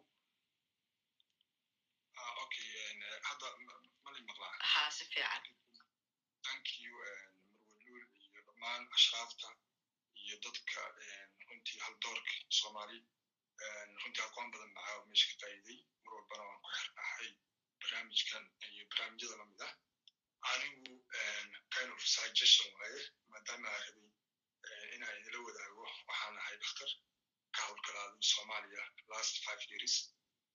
Waxaan rabay kana mida dhalinyarada waddanka joogta. Waddanka dhalinyarada caqabado badan baa jira. Waa laga soo hadlay. Midda keliya aan rabay inaan idin sheego waxa waaye. Aan talena idinka rabiyo waxa waaye. Dhalinyarada caqabadaha haysta weliba kuwa wax soo bartay. Inta badan challenges badan ee la kulman dalka. Middaa waxa waaye inta badan shaqooyinka helidooda aaday u adag hadda laakiin waxaa jirta inta badan dhalinyarada markay yimaadaan wasaaradaha oo kale waxay wada raadinayaan xilal oo marka bilaabayaan meelaha hoose oo kale tusaale ahaan uu imaanaya qofku wuxuu leeyahay anoo in hebel hebela waxaa rabaa agaasini wasiir guddoomiye wax saas oo kale ma jirto teeda kale waxa kaloo waddanka jirin waxa loo yaqaano xafiisyo qaabilsan consultant oo kale ah tusaale ahaan war adigu waxaanaa ku wanaagsan tahay meeshaa ka bilow adigu waxaan sidanaa tahay halkaasaa ku habboonta waa ognahay ma jirto dowladda hagaysa oo dhalinyaradii yani wax ku hagi karta oo kale marka sidee xal ku noqon kartaa oo kale haddii aad wax igu biirin kartaa aad iyo aad umahadsantaa doctor saciid. Waxaan is leeyahay maaragta horta horeeto caqabadu waa way badan yihiin been ma aha. Aniga maxamed cumaraan rabaa inaan u dhiibo su'aashaas inuu ka jawaabo? Laakiin intaan u dhiibin wax yar baan ku darayaa. Jaamacado badan baa tagnay. Maxamedna waa ka dhawaajinayay. Khibradda aan ka soo hela waxay tahay dhalinyaradeenu wasiirka iyo maaragtay agaasimaha ay doonayaan waxaa u dheer mahmahdii ahayd nin isfaashawaari isnuuda baa dishay oo wuxuu rabaa in warqadda bundooyinka ku qoran inay u hadasho xafiis buu imanayaa shaqa waraysi loogu yeeray albaabkii bay warqaddu soo gudbisay. Hadhowna waa cilmi uu leeyahy ku shaqayn doono laakiin uu soo fadhiistay. Wuxuu ka sheekaynayaa fasalka wanaaggii uu ku lahaa siduu casharada uga shaqayn jiray inuu aad casharada ugu fiicnaa. Maantana casharadii lama joogo waxaa la joogaa maaragta xilli loo gudbaayo inaad maaragta wax ku qabato cashirkii aad soo baratay.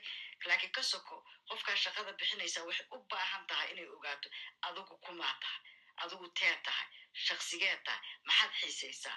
Howlkarnimadaadu waa sidee? Wada shaqaynta dadka kale sidee kuu tahay? Waxyaalahaasoo dhan jaamacadaha looguma soo dhigo.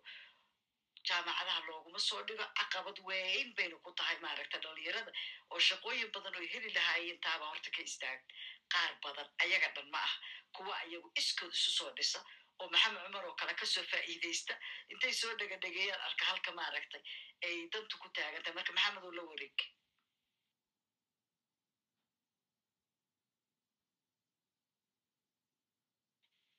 maxamed cumar mana maqle mase qadka weli waa kaa xun yahay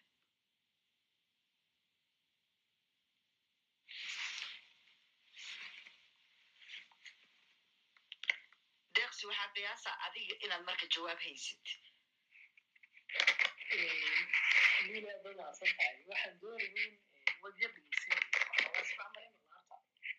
ha shanqarahaaga badan laakiin agahaaga shanqaraha ka jooji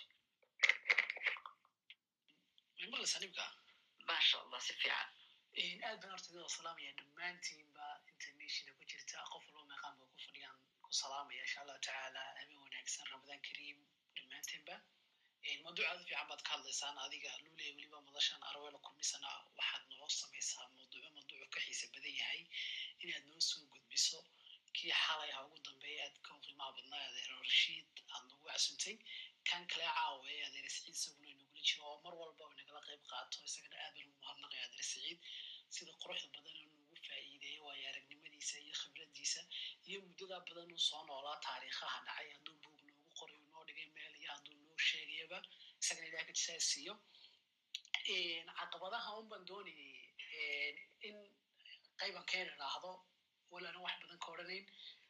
Horta caqabadaha dhalinyarta haysta dhalinyarta naftirkooda iyagaaba isku caqabadaba iyagaaba naftooda caqabada ugu filan marka koowaad marka labaadna caqabadaha waxay ka soo bilaabmaan waddankeena iyo waxbarashadeena iyo nolosheeda hoose. Inta badan waalidiintu iyo xitaa qofka da'yartaa laftirkiisu ama waddankeenaba qaabkiisa waxbarasho kuma jirto balaan kale oo ah ilmahan haddaanu waxbaran ama hadduu waxbarashadan dhameeyo qorshe kale ma jiraayo oo ku shaqo geli karaya. Balan b balan c ma lihin kaa shaqada. Keliyata waxaan doonaynaa inaan ku shaqaysano aqoonta aan baranay ama masterka ama digriga waxa qofku qaatay. Muhiim maaha master iyo degree. Adigoo aan master iyo degree haysan baad shaqo abuuri kartaa baad shaqaysan karaysaa. Marka horta in koobaad laga dhaadhiciyo dhalinyarta iyo waalidiinta iyo dadka waddankeena jooga wasaaradaha waxbarashada ka shaqeeya in aanay keliyata uun ilmahan lagu baraarujin ama lagu dhiirigelin inuu wax barto oo waxbarashada lagu helayo lacag iyo shaqo lagu helayo adduunkaasaan joogno maanta iyagoo wax bartay. Haddana ciyaalka yar jaamacadda qorba badankii ood ku nooshiin oo dowlad lacag ka bixisa ma jaamacadda qof walba iska bixiya. Markuu qofku jaamacadda gelayo hadduu awoodi waayo laba sano intuu xidhuu soo shaqaynaya ama wuxuu shaqaynaya bartime habeenkii buu shaqaynaya maalintina jaamacad buu dhiganaya. Suu iskaga kafeeyeen waxbarashadiisaas jaamacaddaas uu aqoonti soo kobciyo.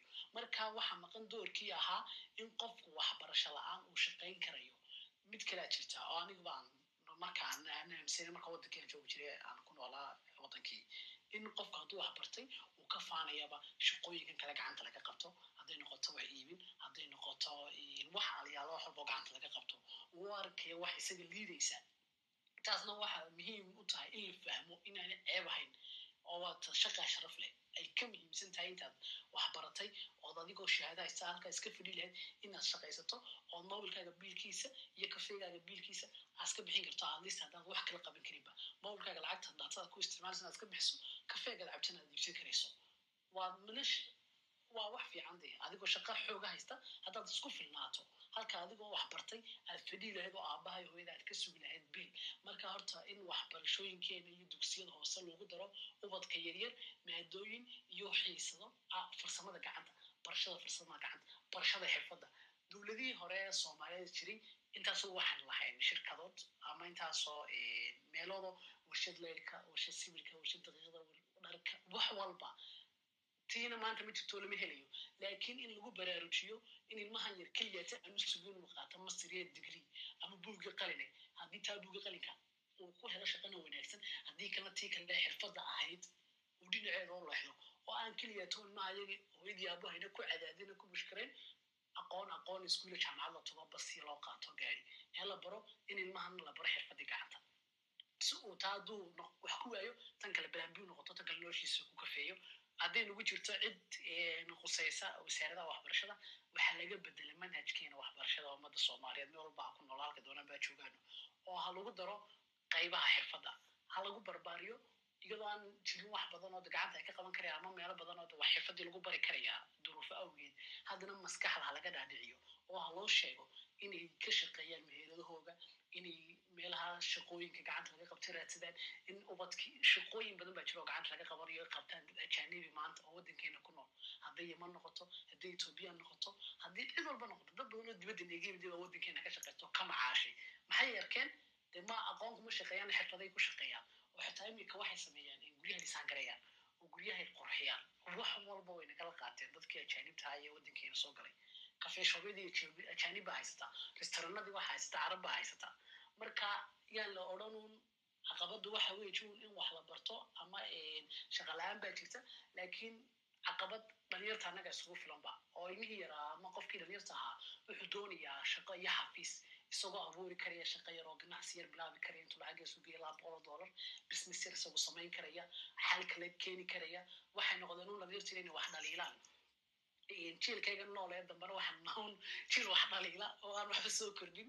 Marka insha allahu tacaala waxaan rajaynayaa in la helo dowlado fiifiican oo dadkan iyo ubadkan dee si qurux badan ugu sameeya mustaqbal qurux badan ajendo qurux badanna u dejiya. Dhalinyartana waxaan kula talin lahaa un adigoo wax bartay isku da inaad xirfadna kororsato oo ay xirfadaada badiso si haddii aqoontan aad baratay kuwiida shaqo tan xirfadda laga yaaba inaad ku hesho. Intaasaan ku soo gebagabina waad mahadsantihin aad baad mahadsantaha deeqsiyow aniga talooyinka aan dhalinyarada siiye waxay ahayd maadaama camal la'aan ay idin hayso waktiga idinka batay shaqadina aan la idin siinaynin shirkadaha intaa u tagtaan waxaad tirahdeen bilaash baa idinkugu shaqaynaynaa. Waxaan rabaa keliya inaan helo khibrad waayo wax waa soo bartay laakiin khibraddii baa iga maqan. Waayo shirkadaasi marka ma diidayso xoog furan wakti ay ka faa'iidaysato dhowr bilood haddaad siiso berita shaqa ka soo baxdo nin banaanka ka yimid ama gabar banaanka ka timid oon la aqoonin shaqaday qabanaysa iyo siday tahay adigaa ka biri ma ah. Adaa lagaa siinaya laakiin ma yeelayaanhi waxayba u arkaan maaniga anigu qof kaleeto mushaar baysiina u shaqaynaynin. Haddaba wax ma qabatid. Taladuna maogtahay ayada taladu adaa ku noola ayadu kuguma noolaa la yiri marka been ma aha dhankaas aad taabata aad baad umahadsan tahay maxamed cumaro ma soo noqotay qadku makuu hagaaga maxamed caawa waxa waye qadka eberka nafisaan u dhiibaya nafise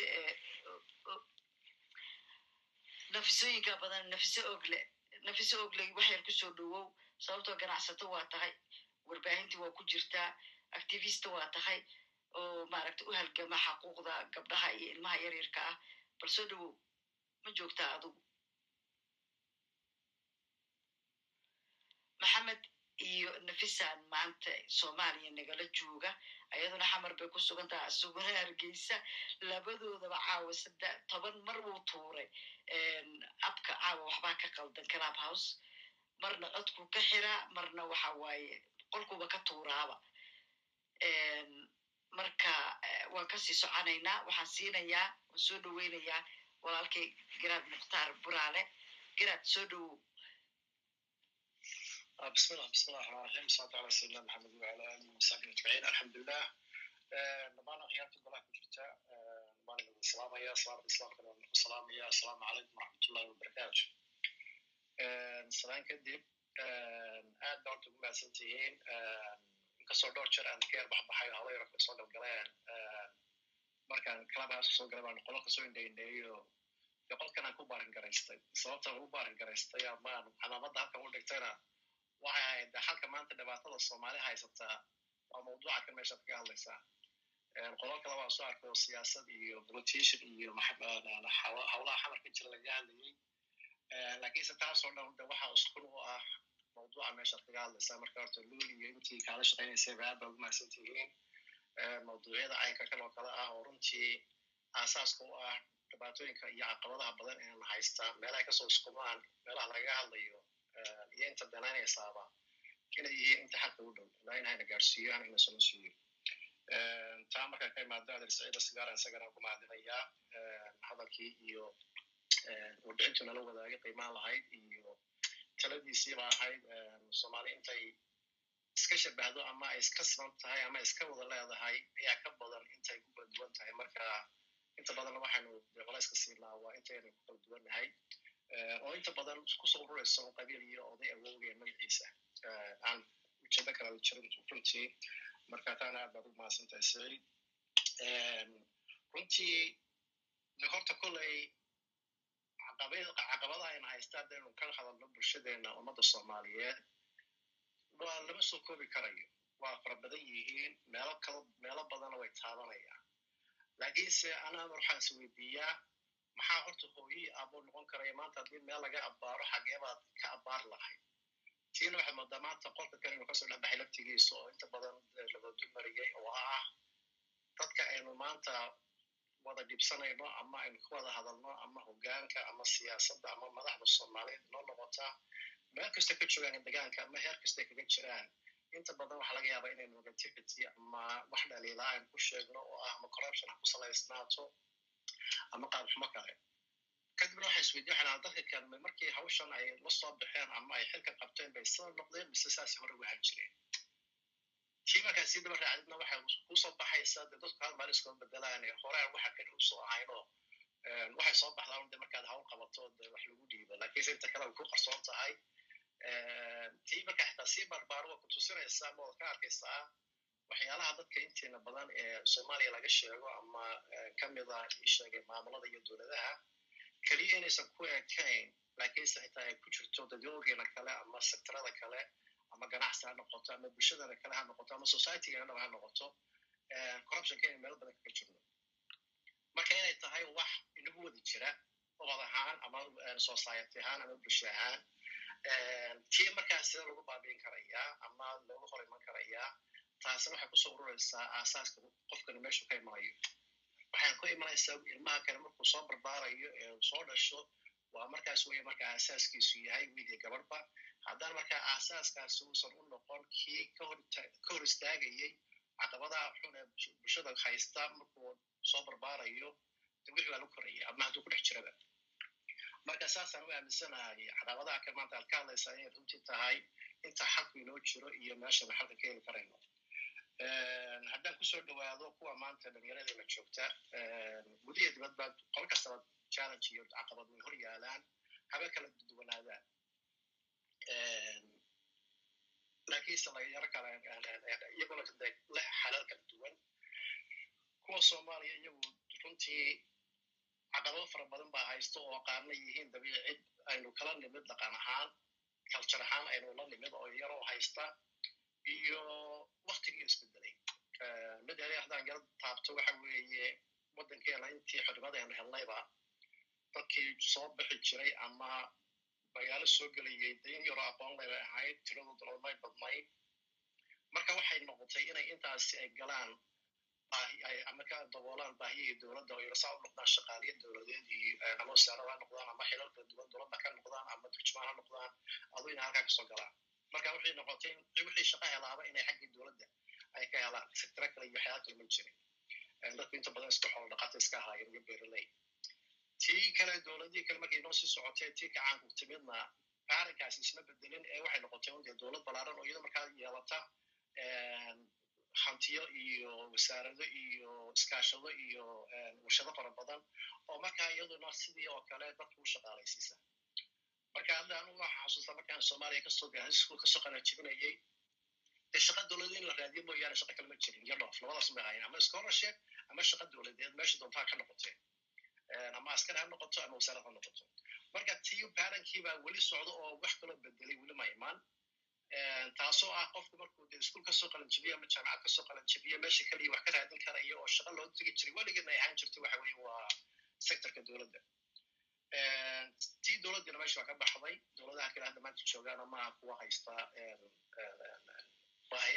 baahida ha qabtir karaya private sectorkii ama ganacsaneydii meesha timidna iyagay laftigoodiina ma badna kuwada badan ee xoogay awooda inay wax qaataanna waxay noqotay inay ku soo ururaan inay dibadda ka keensadaan dadka u shaqayn lahaa. Oo aysan gudihii shaqooyin yaroo gaagaarin mooyaane aysan wax badan ka saameyn ama laga yaaba xitaa laftigooda inay banaanada dee xafiisyada iyo xarbahooda waaweyn dhigtaan way yaryihin inta kulmiyada xagga waddankii ka establish gareeyey marka dhalinyaradii dacalabadaasa ku soo baxaya ood ka wada oo ah shaqa la'aan markay dee jaamacaddii ka soo baxaan ama iskuul ka soo baxaan tiiba marka hadda waxay keenaysaa laba arrimood oo ah dee qofka kani haddii uu tii dowladda waayo xagee kaloo keenaya marka markii waxaa soo baxaysaa dee supply iyo demand. Supplygiina waa farbatay demandkiina waa yaryahay supplygi horta waa farbatay oo meeshii waxaa soo furmay ila ganacsi bay noqotay. Markaasa waxaa batay jaamacadihii collejyadii meel wax lagu baranayay oo dhammaantooda wada furan tiradoodana badan tahay tayadoodasa ay yar tahay. Way jiraan dhowr meelood oo runtii ardada ka soo baxda ay maasha allah yihiin lakiinse waddanka loo badna lakiinse ti waxay sii siyaadisay supplygi oo ah inay arday badan soo baxdo oo soo qala jibiso dimaankiina uu iska yar yahay oo aysan jirin meel cid kafaysa ama maaragtay waxaysa haddaba waxa haddana markaa markaa soo baxay ardayda maxay kala qabataa? De ardayduna inta badan inta badan waxay ku xirantahay aragtidooda ama fakarkooda de waxa kale arkaan? Iyo qof isaga hibad gaara ama haybad gaara ilaahay siiyey sida maxamed cumar oo kale iyo dhalinyaro fara badan oo kale oo degaanka iyago waddanka meelna uga bixin lakiinse gaaray inay isku soo saaraan kuna soo gaaraan maasha allah meel ay bulshada uga muuqdaan dadkana wax ku qaban karaan iyaguna looga ka samaysan karayaan kaloo aada isagana ka helay baalkii mediaha oo isna sami online la dhaho isaguna aad ii soo jiitay runtii marka way far badan yihiin dhalinyaro lakiinse ma badna marka loo fiiriyo societygeena ama dhalinyarada meesha joogtaa haddaba maxaa markaa meeshii kale baahi u soo baxday yaas wakti way hayaan lakiinse laba arrimoodba waxaan ku arkay inay ku yar yihiin qofkii horta isagu fikrad iyo xirfad iyo hibo gaar ilaahay u siiya si uu sameeya wuxuu samayn doonaa weji ama iridu garaacaba waa garaacaya lakiinse platform ahaan ma jiro qof baan warayna ka malaya martida ka mid ah oo yidhi meel ayaa loo baahan yahay dadka kale ardayda tan waxu sheega waayo fursado badan baa jira oo ardaydeenu ama dhalinyaradenu iyagu waddankooda jooga oo aan wakti haya waktigaas ay kaga shaqaysan karayaan adduunyada kale kaga shaqaysan karayaan inta badan waxaan fiirfiiriyaa markaan project u baahanahay ama wax laga samaynayo qof soomaaliya kaga jira meel gunaha kaga jira. Ilaa hadda weli ma hayo qof soomaaliya oo meel kaga jira ama ha noqoto biber ama ha noqoto freelancer oo soomaaliya kaga jiro oo halkaa ka shaqaysanaya ku yar oo isla reerka maadeernahay adeer waayabaa maalinta ila soo xidhiiday aan saddex bilood ka hor meelahaas. Marka wuxuu adeer waxaan doonayaa inaan furto online store. Ko wuxuuna jooga hargeysa ko adeer waxaan doonaya inaad iga caawisid waxyaalaha inad macluumaad baa lagu xiray. Maraykan baa ka shaqeeya shirkadaasi marka meel la dhaho baalki clickbank oo storada iyo macluumaadkaas furto ood wax ku iibinaysid online. Ardaysi yarkii aad baan uga helay waan runtii waa u qushuucayba inuu fakarkaa yeeshay inuu isagoo halkaa joogay inuu maraykan ka hawaysto inuu dhaqaal ka sameeyo. Adi wax kastoo kaa caawinaya baan ku yidhi. Akoonkii baan u furay bangi adkaan baan u furay wixii kale isaga watay de maanta maasha allah waxbaa ugu soo dhadhacay aysan u badnaan ba lakiin isagoo hargeysa jooga ayuu wax ka kala iibiyaa maraykanka dhexdiisa marka waa fikri sayid ka yimid aan ku kaalmeeyo lakiinse isaga ka timid marka tii haddii jir lahaayeen resources ama aynu samayn lahayn ardaydatan ama dhalinyaratan faraha badan ee gabdiye wiilalba leh inay jiraan macluumaad fara badan oo kale oo laga noolaan karayo iyona laga fulsaari karayo oo aan ahayn camal dowladeed waxaan aaminsanahay dadyo badan inay isku day lahaayeen haddii laga kaalmeeyo marka horta saas la kuley waxaan u arkaya ina mid caqabadahaas inay ka mid tahay kuwa jira de mana soo koobi karayno kuwa qurbaha horaa looga wada hadlo maraba iyaga haddaan ku soo celiyo waktigana maraba inaan ku dheereeyo laakiinse kolley waxaan u arkaa oo kolley aan wax halka aan ugu dambayn ugu dambayn meesha ugu hooseysa tegaysaan waxa weeye ka guriga inaan ka samaynayno oo ah boqolintii kortay kortay waxay ku koreenaa dee hadda inkastoo looran karin waa tuulen weeye laakiinse inta hadda dalqabashada u baahan waxay tahay inta hadda ku soo koraysa aynu soo barbaarinayno inaynu bal ka dhigno inay noqdaan bal societyga fiican ee hagaagsan ee diiniyana u hagaagsan dhaqan ahaana ugu hagaagsan si markaa kuwaasi mustaqbalkeena wax laga bedelaa idin salaamaya asalaamu calaykum waraxmatullahi wabarakaatu salaamullah garaad mukhtaar waa mahadsan tahay. Ismaaciil soo dhowow ismaaciil xuseen asalaamu calaykum waraxmatullahi wabarakaatu waa mahadsantihiin mawduucan dhab ahaantii aad iyo aad iyo aad muhiim yahay oo ku saabsan dhalinyarada iyo mustaqbalkooda marka waxaan rabay inaan laba shay aan ka dhaqmaado waxaan dareemayaa dadka meeshaan ku jiro inaa maybe aniga ugu dhalinyarasanahay hadda maalin dhaweed baa waxaan tagnay soomaaliya marka shirkad baa aniga iyo wiilal la dhalanay oo shirkada waddan ka shaqeeya baan shirkad kale baa taasi rabnay meesha marka waxaan aragnay soomaaliya markaa fiiriso dhab ahaantii aniga dadka aaminsan kuma jiro soomaaliya waxaa ka jirta waxaa la dhaho shaqa la'aan baa ka jirta dadka aaminsan kuma jiro laakiin waxaa ka jirta oo keliya laba laba maado maadada koowaad annagoo inaan shaqo u naqaano keliya xafiis dowladeed la fadhiisto iyo isheeg meel bushaar laga qaato xafiis oo la isku soo dhex sawiri kara bisaa shaqa loo yaqaana laakiin dalka soomaaliya dhammaan meel walbaahi shaqa laga abuuri kara hadday noqon laheyd dhismo hadday noqon laheyd dhinac hadda markaa fiirisid waxaa tusaale yara rabaa inaan soo qaato bulshada soomaalida ay dhahaan soomaalida hadda muqdishona aad u degan soomaali bantuga ama jireerta cunugooda lix iyo toban sana jiro wuu shaqaystaa subaxii uu baxayaa wuu soo shaqaysanayaa isagoo subax habeenkii lacag oo shaqaysanaya uu soo laabtaa marka sababta waxay tahay dhaqan waxay leeyihiin dhaqan shaqo dhaqan shaqo lagu abaabinayo oo isheeg ay ku barbaarayaan taas waxay sababaysaa inuu cunugii markuu lix toban sana soo gaaraba uu shaqa tag yahay oo shaqa diyaar u yahay marka adeero waxaan aaminsanahay soomaalida weliba dadkeena jileeca la dhaho dhibaatada ugu weyn aan haysata waxa ay tahay aabayaasheen iyo dadkii horena laga dhaxlay sa ani dareemay waxa weeyaan in shaqo keliya aan u naqaano maxaa dhahay sheeg xafiis qurux badan oo la fadhiisto iyo isheeg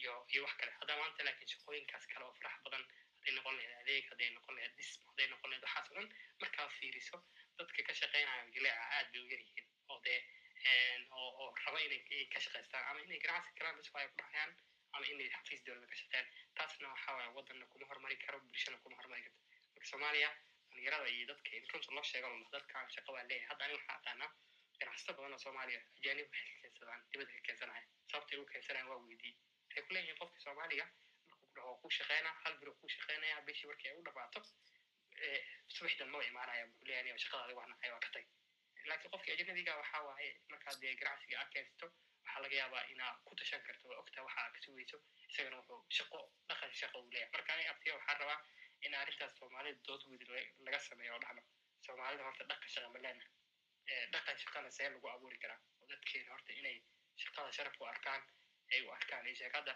waxaa arkaysa markaa tagto hooyo caano iibinaysa hooyo sideed wiil ay dhashaan guriga ay joogto maamada caanaha ay ay suuqa ku soo iibiso ciddii ay ku wada nooshahay markaa weydiisa aa dhahda niyahow maxaa u shaqaysan weyseen beledka shaqa male war hooyada oo waxba qorin waxna akrin habeenkii baxda cidda dhan eeday ku tiirsan tahay ama ama suuq yaanyaa ku iibisa ama ama ama caanaha iibisay adiga maxaa ku diiday inaa shaqaysta marka adeerow arrintaas dhab ahaantii aad iyo aad muhiim tahay in laga doodo la soomaalida horta dood laga furo soomaalida iyo sheeg arrintaa iyada ah.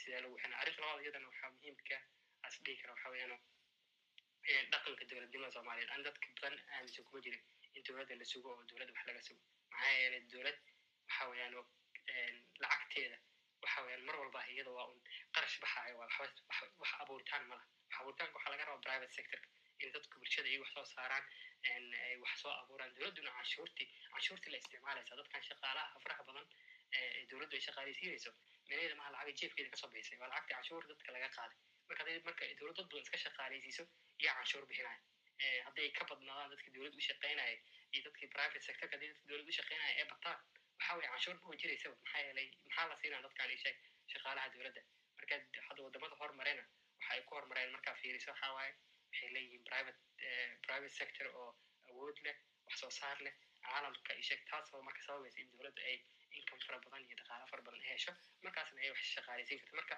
arrintan ah isheeg dowladda in la sugo oo dowladda waxaasna waxaa loo keenay nidaamkii shuuciga iyo wixii ka horeeyaba in soomaalidu mar walba ahy ay iska sugaan ilaa dowladda intay ka dhalinayso ba shaqa shaqa heli doonaa aan sugno dadku ay ay dowladda sugaanna waxaa waaye waa qalad weyn oo bulshada soomaaliyeed dhab ahaantii si guud meel walba ahy ka jiro arrintaasna inaan inaan farta ku fiiqan oo dhahno dowladda laftigeeda ay dhahdaan iyo dad shaqa muu abuurahay ee dadku ha shaqaystaan inay dhahdo dowladdu aysan. Laakiin hadda markuu ninka dowladda u hadlo wuxuu ku anigaa shaqa abuuraya dadkii beentasa loo wada sheega mafad dowlad dowladna waxa waye caalam markaa fiiriso waddamada badankood dadka dowladda u shaqeeya xitaa ma dhabo ten percent ma dhabo. Dadka kale waxaa la rabaa inay ka shaqeeyaan private sector kale iyo waxyaabaha kale iyo goobaha kale ama iyo qofku isa uu shaqo u abuurto.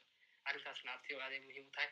Ugu dambeyn haddadaan soomaaliya sidaa ogtihiinbo shidaal insha allahu tacaala doodihii shidaalka iyo waxaas baa socdo in go'aamada masiiriga soomaalida hadda ay qaadanayso lagu lagu jaangooyey in la dhaho tusaale ahaan in shidaalkii oo kale for example waddanka gudihiisa lagu sifeynaa ama waxyaabo kaloo fara badan adeegyo fara badan oo kale dalka gudihiisa lagu qabanaa la dhaho si ay shaqa abuur ee ugu samayso dhalinyarada oo aan la dhihin wax walba dibadda ha loo qaado xagga lagu soo habeeyo ama ama ama waxaas oo dhan in go'aanada hadday noqon lahayd shidaalka iyo waxaas shirkadaha ka shaqeynaya shaqaalaha ka shaqeynayo in hadda loo sii diyaar garo soomaalida ee niyadda dhahdo horta haddii maanta la soomaaliya shidaal ay soo saaranaysaa afar sano ama shan sano soo socota ma haysanaa shaqaale iyo dhalinyaro u diyaar eh keliya bes maaha dad dhahaya diyaara maha laakiin xirfadii leh tababarkii leh akhlaaqdii shaqada leh u diyaar garaysan oo u tababarsan oo hadhowto isheeg la tartami kara shirkadaha kale ajaanibta kale oo shaqooyinka soo doonanaysa arrintaas iyadan ahna waxa waaye inaan in hadda waxgaradka soomaalida ay ku sii fikiraan dhahaan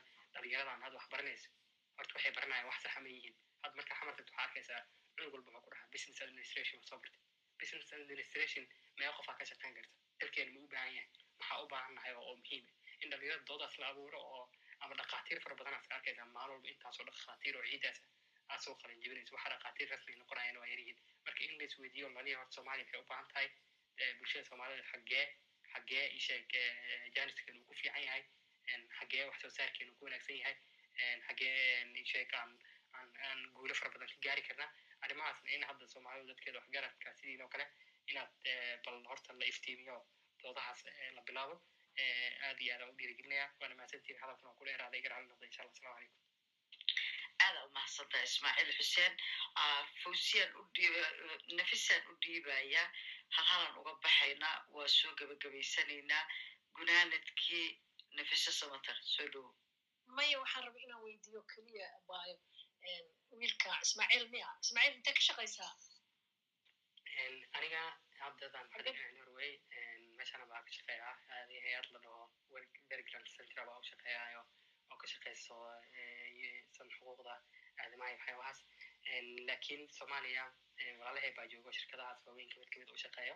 Marka shirkad shaqaala hadda aniga iyaga aan ka shaqeyno sidii loo asaasi lahay oo dalkii aan barnaamijkeedi baa nagu socdo oo shaqaalaha shaqaalaha suunkiisa oo shaqaalaha qaarka dibadda ka keeni doonto insha allah barnaamijkeedii marka ku soconna saasaan xoogaa arrintan aan aan aan aan aan xoogaa yar ka ogahay oo aan xoogaa waqti geliyey marka saas wayaan waa masanta ha may dhalinyarada meesha aad degan tahay maaragta norway adaaba nasiib la luulaya degantiin abayluul marka waxaa samaynaysaa dhalinyarada maaragta yaryaro afar iyo tobanka sano ilaa sideed iyo toban sano udhexayso hooyooyinka ku dhiirigeliya inay maaragta ciyaalka ay geeyaan santarada iyo meelahaas shaqo ay geeyaan. Because waxaa aaminsanaha annaga hooyo ahaan ubadka yaryar inaysan u baahnayn inay shaqeeyaan.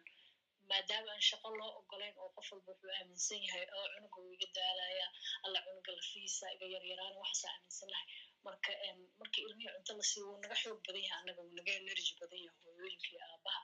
Marka wuxuu bilaabaya ilmihii inuu dhaqdhaqaaqa xooggii ku jiray uu wax kale ku sameeyo marka intuu wax kale ku samayn lahaa sidaa sheegaysa sax waaye annaga dad shaqa ma lihin because carruurtii baan lagu dhiirigin oon la barayn inay wax soo saaraan markay yar yihiin.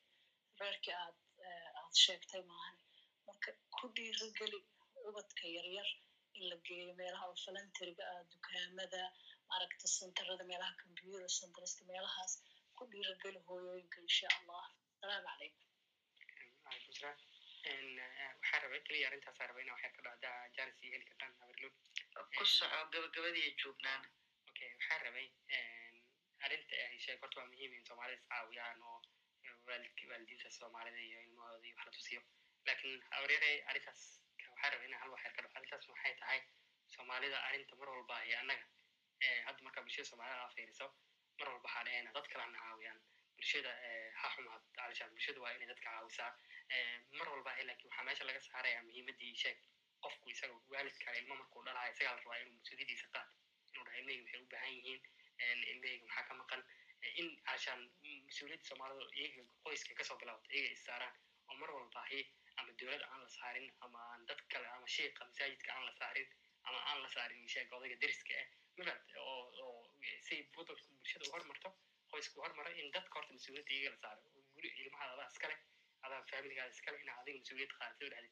intaana ilmoodna awooda inaa koriyo intaana ilmood maxay u baahan yihiin in soomaalida horta taas loo sheego marka koowaad intaan la caawin ka horma haddii laakiin mar walba la soomaalida ha la caawiyo soomaalida ha la waxee laba soddon sano iyo ka badana lagu jira soomaalida ha la caawiyo soomaalida ha la caawiyo caawimaadiina ma dhamaanayso mafad marka waxaa la rabaa inaan dhahno soomaalida horta iyaga waxay is naftaada adiga runta sheeg kaa qaldan qoyska maxaa markaas kabacdi xalku waa imaanaya marka arrintaas intaasaa raba inaan ka dhaho laakiin mid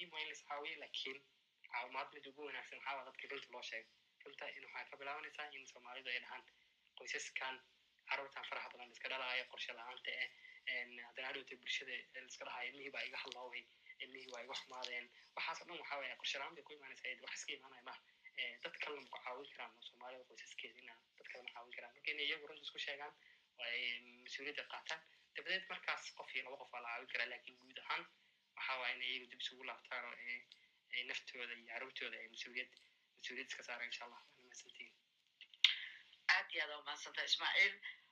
Saan idin sheegaba gabagabadii joognaa barnaamijka nagey. Maxaa ku soo gabagabaynaysaa gunaanadkaaga waa maxa waayahay wax badan baynu ku jirnay. Runtii wax badanna waanu mataqaana halkan waa laga wada faa'iiday akhyaarta kale oo faraha badan oo hadashan wax badan baa laga faa'iidaa habeen walba waxaan ku soo gabagabaynayaa horta ramadaan wanaagsan ilaahay ramadaanta khayr inuu ku dhameeyo waxaan aad u salaamayaa adeer siciid hadda wayna ka baxay waan rabay inaan markaa isigu joogo halkan aan ka sii salaamo sidoo kale garaad mukhtaar ayaa nala jooga garaad mukhtaar garaad cali buraale aad baan garaad adigana kuu salaamayaa walaashay maxaa la dhahaa nefisa samatar iyadana barnaamij qiimo badan halkan aynu kula daadihinaysayna aad baan u salaamayaa caawa ku casuunay luul araweelo iyadna aad boqol kiiba boqol baan u salaamayaa kadib waxaan intaas markaan ka baxo waxaan soo jeedin lahaa inaynu halkan barnaamijyo fiifiican ayaa ka baxa kulmiso qof waliba ha ku xidhmo ha ka soo qayb galo insha allah si aynu wax uga bedelno mustaqbalkeena soo socda waayo xalay toole waad ogeydeen oo halkan waxaa ka dhacday buugtii baa lagu falanqaynayay qoraaweyn baa joogay rashiid baa joogay galweyne. Habeen dambe isagana mawduucyo kale oo wanaagsan baa jira. Habeen walbana sidaasoo kale wax un faa'iidele baa jira. Marka qofku inta uu nool yahay inuu wax faa'iidaysto weeye sideedana garaadka waxaa kobciya oo koriya oo waxa la yidhaahdo warka. Waxa yani qofka uu maqlo waxa la yidhaahdaa dhegtaaduna way kaa da'weyn tahay ishaaduna waa kula da' baa la dhahaa marka waxyaabaha hadeer aynu hadeer adeer siciid oo kale taariikhduna ka sheekeynayey waxyaabahaasoo dhan waxaynu inagu joogin laakiin dheg baynu hadda ku maqalnay waayo dhegtayna ka daaweyn. Lakin waxaynu arkanaa wax hareerahayna ka dhacaya maalin walba un marka tiam kulmiso boqol kiiba boqol waan u mahad celinaya runtii. Arrin waxay wadaan runtii ay ahayd in dowladi qabato. Waxaana soo abaabishay luul araweelo ilaahay miisaanka xasanaadka u saaro ajarna ha ka sii waa bilrabadaan habeen walbana insha allahu tacaala barnaamijyada qiimaha badan ha laga soo qayb galo hana lagu xidhnaado.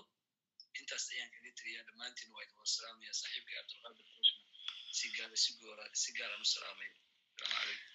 Nagayo aad iyo aad baad mahadsan tahay dehetiin kulmisa adiga naftirkaagaa qayb ka ah. Marka adiga subhad celinaya waa howl naga wada dhexaysa ilaah ajara xasanaata naga wada siiyo cabdiqaadir xoosho soo dhowow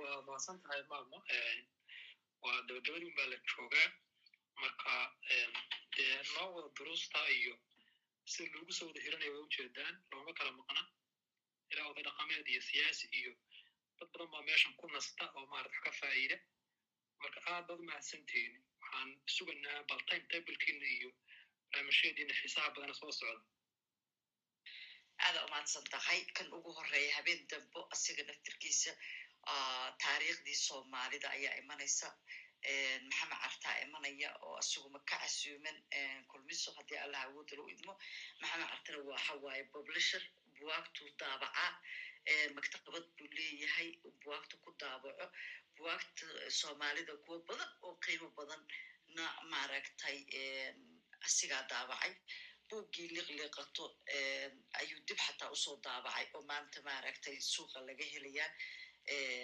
loox publisher baa la yidhaahdaa loox publisher haddaad gashado arkaysaa inta buug ay daabaceen iyo noocyada ay kala yihiin. Waadna ka maaragtay dalban kartaa halkaasoo oad ka iibsan kartaa insha allah. Habeen dambe marka asigaa noo imaanaya markii ay tahay afar saac tobanka b m marka ay ingiriiska u tahay haddii allaha awooda la yiraahdo ayuu iskeeni doonaa insha allah habeenka xigana hadda waa sabti tix iyo tiraab bay taagan tahay. Sabtida meel kale kama marto. Tix iyo tiraab iyo wixii soo gelaya ayay noqonaysaa. Marka barnaamijkaasi mid aad u xiiso badan oo hal abuurka iyo maasada iyo qoraalka iyo hiraalka nololeed laga dheefo marka saabay isu daba taagan yihiin.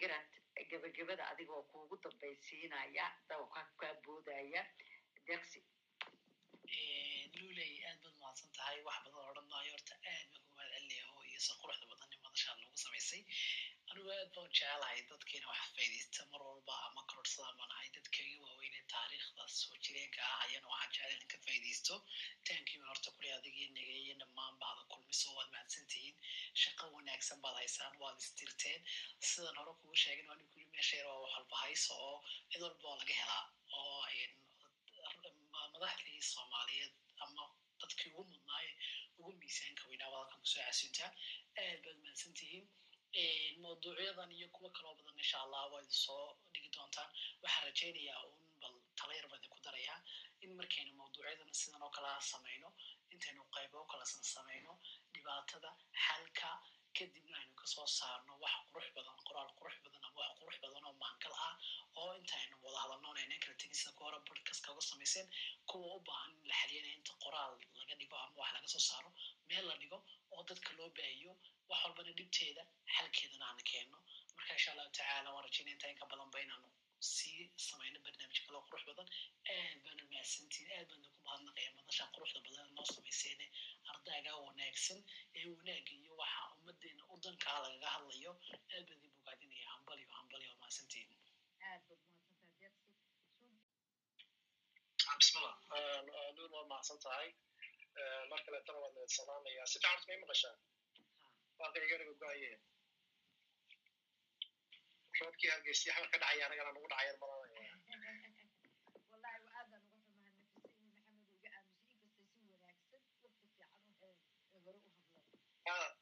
laakiinse de war farxadayna siino dee dagaankii baa roob ka daysan waa roobka waa waxaas marka alxamdulilah alxamdulilah ilahay nagu barkeeyo lula waad mahadsantahay jasakullah khayr. Adig iyo inta kale gudaha ku jirta iyo inta ka maqanba. Runtii intii igu horeysaan la qabaa amaanta iyo hambalyadaba hawsha tan aad ku jirto daftigaaga gelisay una taagan tahay adiga inta kula shaqaynayso ogahay inaadan keli ku ahayn laakiinse jamhuuriyadda ilaahay idin barakeeyo idinkan abaalmariyo miisaanka xasanaadkana idin saaro runtiina kolay dadka damba waxbay xiiseeyaan lakiinse arrimaha kan aad meesha kaga hadlayso kolay sida tan maanta oo kale mawduuca kan waxaa aaminsanaya inta xiiseynaysa ama dee ay danaynaya inta danaynaysaa inay tahay runtii inta raadinaysa wax hal ah oo ay taaban karaan oo ama iyago ay ka qayb qaadan karaan ama guryahooda ka sameeyaan ama bulshada ay kaa dhodhoyi ha ka sameeyaan inay wax ka faa'idaysan karaan wax ku soo kordhin karaan. Marka aad baan idinka mahadinayaa ilahayna miisaanka xasanaadka idin saaro. Koley allahna haystaan waa fara badan yihiin. Sida yarkaa deeq uu sheegay dersi eralaas iyo waa aaminsanahay inaynaa noqon ummad intay hadasho halkaa kaga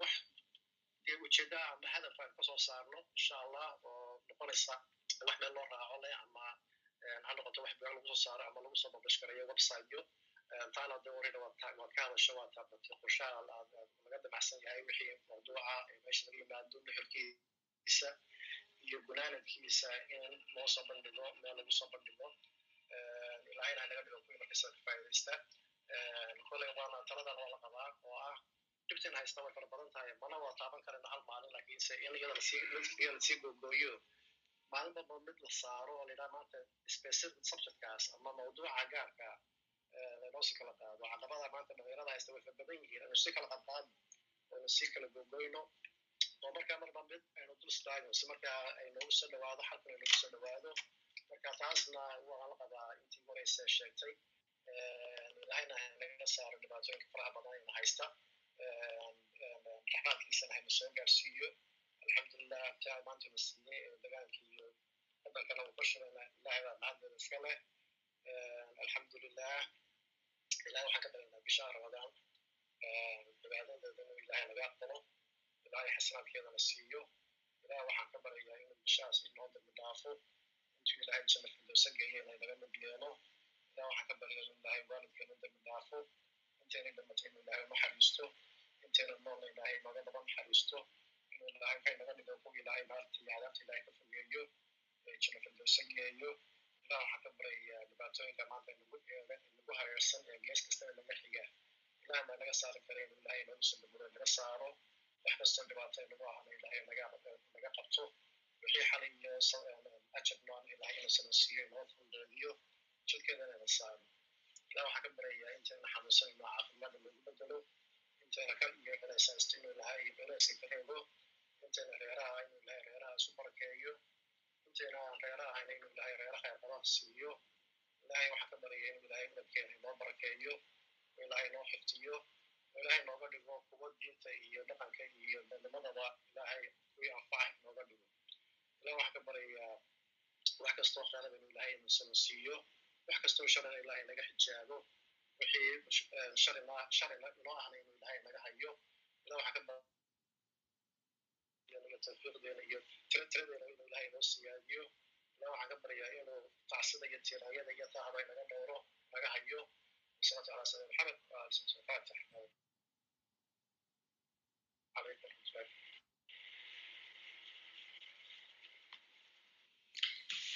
iyo aad baad umahadsantaha garaad mukhtaar hadalkaama dambeeyo.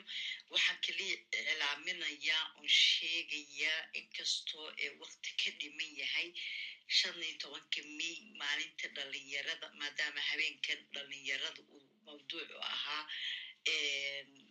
ardaaga kulmisa habeenkaa dhalinyaradu u xiran yahay waxaana casuuman oo iman doona insha allah macalin saciid saalax axmed. Haddii alla idmo habeenkaa waxa waaye taariikh badan baan ka dhergi doonaa insha allah dhalinyarada cuslaata ayagu waxa waaye taariikhda laga dhuraaya dhalinyarada cuslaata taariikhda laga shubaya maskaxdooda ku jirtaay macalin saciid saalax runtii waxa waaye waxaan dhihi lahaa kaydkii taariikhda nolosha barbaarinta dhankeeda waayo wasaaradda waxbarashada iyo barbaarinta qaybtii barbaarinta nin asiga abuuray. Wasaaradda gacantana ku hayay. Kooxdii iftin ee macalimiinta ahayd asiga abuuray gacantana ku hayay. Intaa waxa waaye lixdan sano ku dhow yahay macalin yahay. Weli arday buu soo saaraa jaamacadda minneapolis buu afkii soomaaliga ka dhiga intaa waxa dhalinyaro qurbaha ku dhalatay ama ku barbaartay ee haddana maansooyinka tixda iyo tiraabta dhinac walba kuu dhaafaysa ee uu macalinka u soo noqday ma malayn karti tira ma laha. Alxamdu shukr rabbilcaalamiin ilaah cimrigiisa waa u dheereeya caafimaadkiisa hawtaam ha uga dhigo insha allah asigana. Waxaan idin leeya aad iyo aad baad umahadsan tihiin halkaasaan ku soo xiranaynaa qolka. Wasalaamu calaykum waraxmatullaahi wabarakaatu